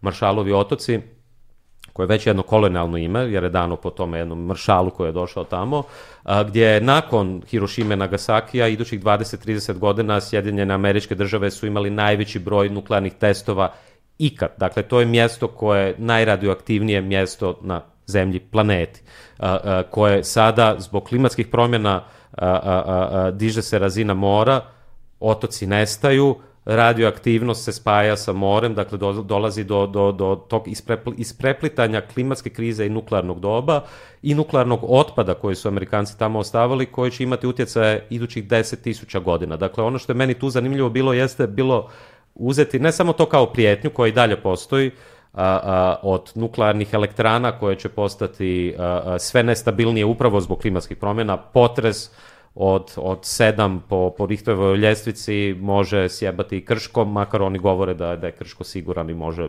preživjeti šest ili nešto. Ja sad ne želim tu da. a, a, davati takve a, e, e, e, prognoze. set prognoze, ali moguće su različite vrste katastrofa koje prije možda je bila nuklearna energija sigurnija, možda nije bilo alternative, danas imamo alternative, sad jesu li one alternative ili ne, to ćemo vidjeti. A, međutim, a, a, ono što nuklearni otpad otvara, a, a znam da se skladišti i ovdje a, e, i u Hrvatskoj na granici sa Bosnom naravno u području koje je pogođeno potresom ali i na svijetu i na Maršalovim otocima a, e, a, e, Fukushima je jako dobar primjer gdje imate direktno klimatske promjene a, a, a, a, a, potres koji prouzrokuje ogromne valove koji onda nuklearnu elektranu koja je na, na, na obali sjebe reaktor i oni sada evo prije par mjeseci japanska vlada rekla da će svu tu nuklearnu vodu naprosto pustiti u Pacifik. Dakle, mi već živimo u tom dobu gdje je došlo do ispreplitanja nuklearne, nuklearnog doba i klimatske promjene, Ono što je meni zanimljivo tu bilo filozofski jeste perspektiva vremena koja se tu otvara a, a, i onda sam našao da je negdje prije 23 godina pre, pardon, preko 30 godina a, a, Amerikanci su oformili jednu skupinu koja se naziva a, Human Interference Task Force, a, gdje su pozvali lingviste, antropologe, a, inženjere, arhitekte, a, da pokušaju odgovoriti na pitanje kako će upozoriti buduće generacije da se na nekom polju recimo ovdje, da je ovdje pokopana velika količina nuklearnog otpada koji će za 5-10 tisuća godina i dalje biti radioaktivan.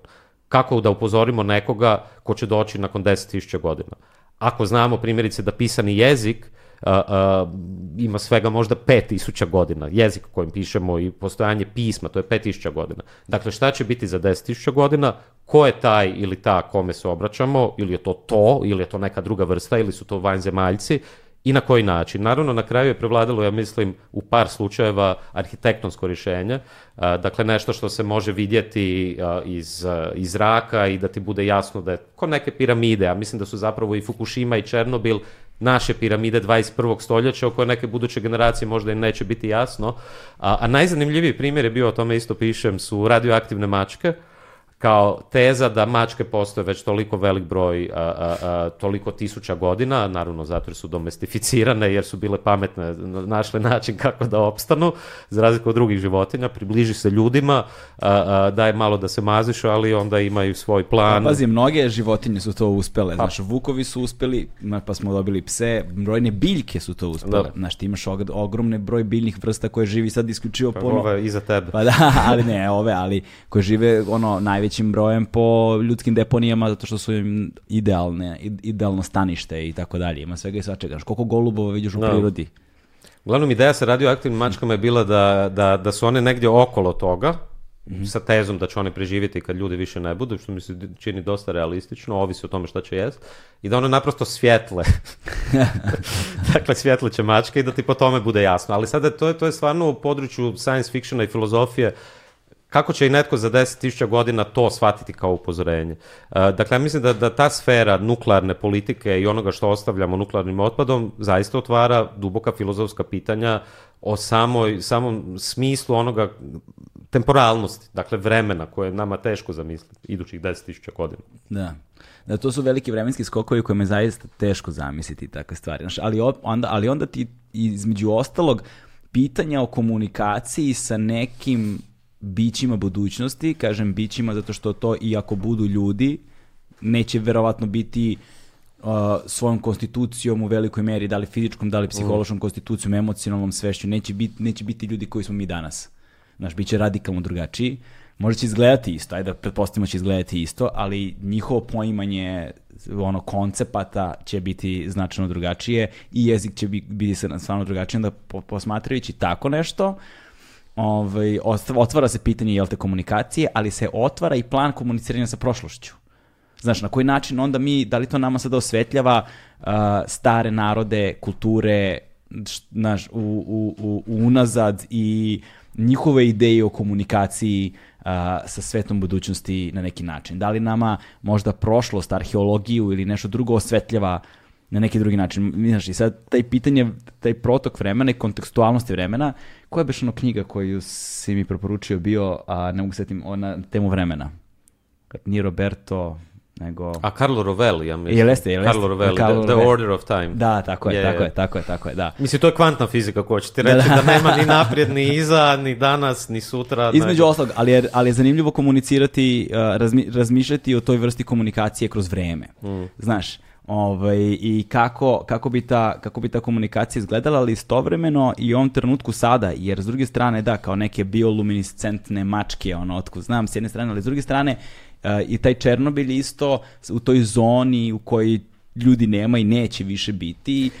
To Živ... nije skroz točno, ima ljudi još tamo, a mislim... ima i radnika, mislim naravno neće biti ko što je bilo, ali ima da. i tamo, to isto ne treba fetišizirati u smislu da je to sad potpuno prazno i slično. Ima ljudi tamo, žive čak i neki ljudi unutar te zone, a najveći problem je, ima sjajna knjiga, zove se Kate Brown, nije prevedena ni kod nas, ni kod vas ili tu u da. regionu ili kako se to u već kaže. U nacijama. da, da, da, nije prevedeno, zove se Manual for Survival, eh, priručnik za opstanak, Kate Brown, ja mislim, znanstvenica jedna koja pokazuje šta se u Bjelorusiji dogodilo. Dakle, mi pričamo samo o Ukrajini, a Bjelorusija je po, po ono, pored toga a ljudi dalje žive, ljudi dalje e, vrše poljoprivredu na kontaminiranom tlu, a, a, dakle, to je jedna priča koja je dalje tabu, ali naravno ostaje tabu zato postoji... Šta se dogodilo tamo? Ne znam ništa o tome. Tamo se dogodilo da ljudi imaju rast raka, oboljenja Aha, koje su povezane sa time, da žive životom gdje su potpuno zaboravljeni od države, da im se ne priznaje da su uopće oni žrtve također te katastrofe, ponovo zbog države nacije jer je ovdje neka granica i sada je ovo Ukrajina, ovo je Bjelorusija, a to se nalazi bliže Bjelorusiji nego što se nalazi Kijevu. A, tako da, sjajna knjiga, treba to pročitati. Da, e, s druge strane, naš, te granice su sad novo pitanje jer sa uh, rođenjem uh, društvenih mreža, sa rođenjem interneta prvenstveno, mi dolazimo u jednu metafizičku kon, kon, kategoriju granica. Je, primera, primera radi, um, da imao sam jednu epizodu gde smo se bavili problemom poreza. I hmm. kod nas je veliko pitanje sada oporezivanje um, uh, o, pardon, oporezivanje uh, freelancera, uh mhm. -huh. freelancera, što je veliki broj, posebno mladih, uh, na, koji rade online. Pos, na primjer, ne znam, dizajneri, arhitekte, uh, prevodioci, uh, škole stranih jezika i tako mhm. dalje, funkcionišu online. Ogroman broj naših mladih ljudi radi online i zarađuju neku sitnu lovu radeći sa stranim državama koje im plaćaju određene honorare i sad oporezivanje toga. I i kada sam, i kada sam posvetio epizodu o porezivanju toga, uh, tu sam zapravo naučio šta je fundamentalni po problem. Jer recimo, porez funkcioniše po principu teritorije. Dakle, još kada je nastao i kada je taj globalni porezki sistem lala, počeo, on je počeo po principu teritorije. Ti sada uh, sa, sa internetom nailazimo na probleme dvostrukog oporezivanja, nailazimo na probleme bilateralnih odnosa, ko sa kime, kakva država ima kakve dilove i kako se stvari oporezuju, da li uopšte mogu da se oporezuju. Kod nas, ne, primjer, ne postoji način da se internet zarada na neki način oporezuje, zakonski nije pa Blago određen. tebi onda. Pa ne, ali to je problem, zato što onda mogu da te proganjaju na različite pa, načine, razumiješ, mogu ti oduzmu sve kako god žele, ovaj, samo ukoliko to reše da urade, s jedne strane. S druge strane, na primjer, ukoliko si ti meni pretplatnik preko sajta za pretplate, ti meni plaćaš, na primjer, ne znam to u dolarima ili eurima, ali problem je ako si stanovnik Srbija, ja sam u Srbiji, zakonom je zabrinuo da, da stanovnika Srbije uzemno razmenjuju, plaćaju usluge ili bilo šta stranom valutom.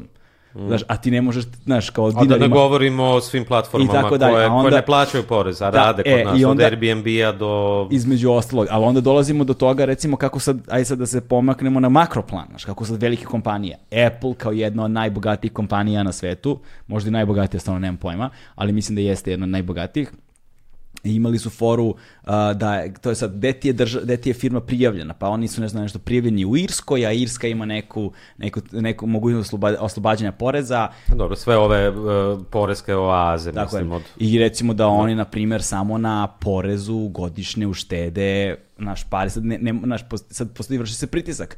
Da li da Irska natera Apple da, je, da plate porez, ali onda bi time napravili Uh, izuzetak koji bi onda mogao da se preslika na celokupan zakonodavni sistem, koji bi onda njima bio problem ovakav ili onakav, sad poenta priče. Uh, počnemo od poreza, ali da ga promerimo nadalje. Granice u kontekstu uh, tog, te kategorije postojanja na, na, na, na internetu, postojanja društvenih mreža na internetu, postojanja država nacija na internetu.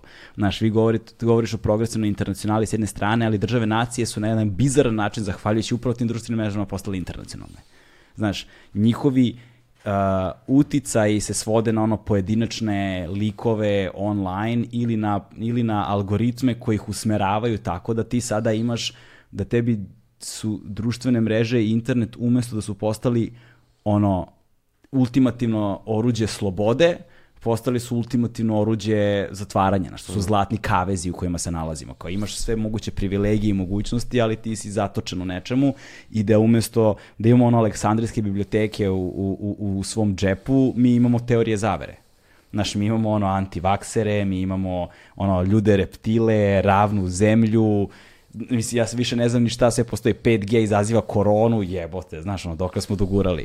Znaš, kao, kako, kako, kako protiv toga, razumeš, kao, znaš, i, i, i, i tu može da bude dobra tema, malo pre se rekao da imaš problem sa kriptovalutama. E. Da dođemo ti kriptovaluta, mislim, nije nam ostalo puno vremena, moraš da bežiš za nekih 10 minuta, ali, ovaj, ali hajde da pomenemo neke do Da, moram jer eto pun je raspored Bi, da, BTF je, i koje kakva događanja i prijatelji, nisam dugo bio tu, ali kriptovaluta, da, ja sam jako kritičan sprem kriptovaluta, uh, naravno da srž te ideje nije loša, srž kao što često srž neke ideje ne mora biti loša, ali je izvedba takva da mi se čini da kriptovalute zapravo Uh, ne pomažu toliko više u decentralizaciji, nego provode nove, e, dovode do novih bogataša. Problem je i ta maskulinost koja postoji u kriptovalutama. Uglavnom su tu muškarci e, koji su veliki fetišisti kriptovaluta, pa onda imate obraćanike koji su poput ovih antivaksera, flat uvjereni da je kriptovaluta spas e, za zemlju. Pritom podaci pokazuju zadnjih nekoliko godina koliko kriptovalute tim rudarenjem uništavaju zemlju. Dakle, to je prvi, jedan od prvih problema kriptovaluta jeste, slično koji sa litijskim baterijama, a, a, jeste da zapravo i dalje sišu resurse zemlje, ogromnu količinu energije koja je veća od recimo potrošnje ili proizvodnje energije Argentine ili nekih drugih država. Dakle, kriptovalute, nešto što je čista spekulacija, Eh, odvija se ponovo na sem, semiosferi, na semiorazini, semiokapitalizam kao što Bifor naziva, a ima efekte na, na, na, na, na, na, na, ba, na bazične, konkretnu realnost u smislu uh, eh, proizvod, proizvodnje pustinje od same zemlje. To je prvi problem. Drugi problem je uh, gdje, mislim da je šta, Salvador je sad prva država koja je uh, službeno uzela Bitcoin kao, kao valutu koja se može plaćati, pa eto nije baš uh, tako dobro završilo kao što možemo vidjeti i ponovo situaciju koriste oni koji su bili prvi. Ne znam što prvi. se desilo, znam da, se, da, da su, da su prihvatili, ne znam što se desilo. Kako je što... Mislim, mogli bi sad o tome dugo pričati, nemamo vremena, ali efekti nisu dobri, dovoljno je istražiti malo, gdje ponovo oni koji su zaradili više para i bili prvi financijski špekulanti, sada zapravo imaju neku moć, dakle nije to decentralizacija. A, mislim da postoji, mislim da je problem po meni i centralizacija moći, ali i mogućnost spekulacije. Dakle, ja postoji neki primjeri kriptovaluta, na, nisu zaživjeli toliko, Faircoin je jedan primjer, a, naravno nije najbolji možda, ali koji je imao ideju to je izmislio onaj Robin Hood španjolski koji je uzeo pare od banaka pa ih onda dao za socijalne da, pokrete. Da, sećam pa se čoveče tog lika, da, da, da, e, da, da, da, da, Što je zapravo podizao kredite koje nikad nije neki 5 miliona, ili tako nešto. Tako, ne, ne, tako neko nešto. ogromno, da. Da, šta je s njime bilo?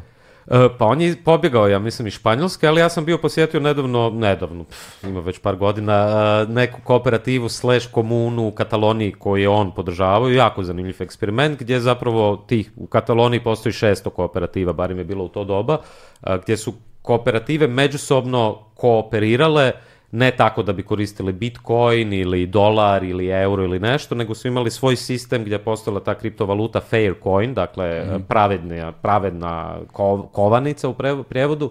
Po, pošten novac, nazovimo Ili pošten novac, makar je to zvuči kao mhm. drv, drveno za kontradikcio i nadjekto, da može postojati nešto poput toga, ali gdje zapravo su oni kroz tu valutu mogli međusobno uh, uh, uh, kooperirati na primjer, ja proizvedem 10 eh, kila eh, poma ili rajčica, ti proizvedeš website koji meni treba da bi ja to prodao i sad umjesto da ja tebi dam pare, ja ti dam u pomama. Na primjer, sad ja malo simplificiram to, ali mislim da, da srž te ideje jeste dobra. Da, koliko god da sam ja kritičan sprem kriptovalute, ja mislim da je osim uh, efekta uh, na, na zemlju, na, na, na, na, na okoliš, uh, problem je u tome, problem je, drugi problem je spekulacija, i akumulacija. Dakle, kada bi postojala neka kriptovaluta, ajmo sad uzeti, na primjer, otok Vis ili Korčulu ili neki drugi otok, da postoji niz malih obrtnika, OPG-ova, tako se to zove kod nas, koji ovaj proizvođač maslinovog ulja, ovaj proizvođač vina, ovaj tu nudi mogućnost da ideš brodom, ali to nije turistička tura, nego postoji jedan zajednički brod kao što postoje zajednički automobili mm -hmm. u mhm. Oslu ili u nekim gradovima koji nisu privatno vlasništvo, nego društveno vlasništvo i da sad taj jedan otok kreira svoju kriptovalutu kroz koju će se e, e, organizirati odnosi među tim ljudima. Dakle, da ne plaćamo ni u euru, ni u kunama uh, i da nema izrebljivanja. E sad, šta bi tu bilo potrebno? Po meni ono što je ključno jeste da, da, da, da ne postoji spekulacija i da se napravi neki rok. Na primjer, mislim ja nisam stručnjak za kriptovalute ne, ne, ne. i možda sve što pričam je budalaština, ali tako se to meni čini iz moje perspektive. E, dakle, da, da ne možeš akumulirati sredstva, da taj, tak, ajmo reći, ova je kriptovaluta, to je bilo šta, to je neki znak u, u semiosferi, da ta kriptovaluta, ja ne mogu sad imati 20 čaša koje ću skupljati idućih 10 godina, a onda ću tih 20 čaša ih uložiti i ona će skupljati vrijednost pa ću ih imati 500 ili 20 milijuna, nego da nakon 6 mjeseci, brate, ako nisi tu čašu vratio u opticaj, nemaš je više. Dakle, uzmemo otok Vis, a, a, postoje različiti obrtnici, proizvođači i slično i oni kooperiraju međusobno kroz te čaše ili neku valutu, nazovimo je kako god, ima sad sto naziva toga, ali nemaju mogućnost da sad neko zato jer je te godine imao puno rodnije masline ili nešto, je skupio 500.000 tih XY, XY kriptovaluta i sad ih on može ulagati i unutar toga tržišta i van toga tržišta. Znaš, i tu postoji ne, ali tu sad postoji, ja tu vidim baš dosta problema. Ajde počnemo ono, da, ima sistemskih problema mnogo i ima ono nekih znaš, ontoloških, ne, znaš, ne znam kako da kažem. Um, prvo da počnemo od ljudske prirode, od prirode, ljudskih motiva, prirode ljudske motivacije. Znaš, to bi zahtevalo jednu radikalnu promenu ljudske svesti u kontekstu... Na razume... mikronivou ne nužno. Zato ja mislim da, pa da treba krenuti od ali, mikronivoa. Ali sa mikronivom imamo problem univerzalnosti valute, njene vrednosti, šta joj daje na vrednosti. Znaš, ko kontroliše tu vrednost, kako se ona generiše uopšte kao vrednost kao takva. Znaš, u kriptovalutama nažalost, spekulativnost igra veliku, da. veliku, veliku ulogu. Da, naš, spekulativnost igra veliku ulogu. I da, Bitcoin i ostale kriptovalute jesu podložne spekulativnosti i to se pokazalo u tržištu. E, ali kada bi ukinuo moment spekulacije, ti ali kako bi je dana vrednosti, znaš to je sada kako se generiše vrednost. To ćemo smisliti, Znaš, ali kako se, ima ljudi koji se bave time. Kako se generiše slušenci. univerzalnost, kako se generiše uh, takozvana ako govorimo različitim kako se onda generiše konvertabilnost znaš kako se pa onda kako, kako se onda kako onda stvoriti sistem koji ne mora koji se neće pretvoriti u birokratskog monstruma koji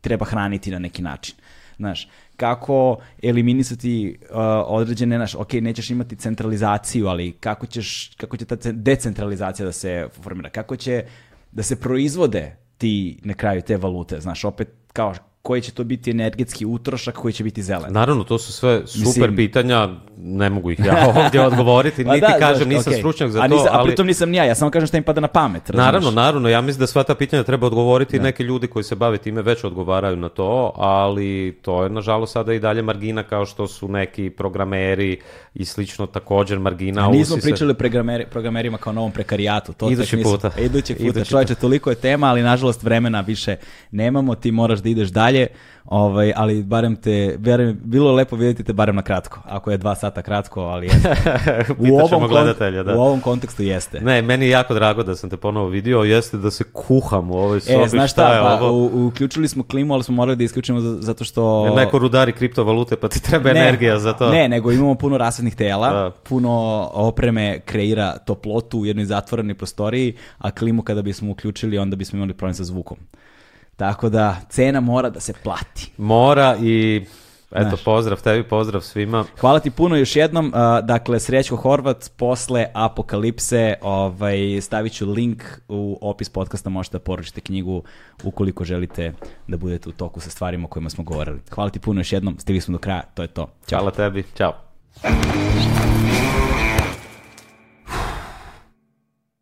Hmm.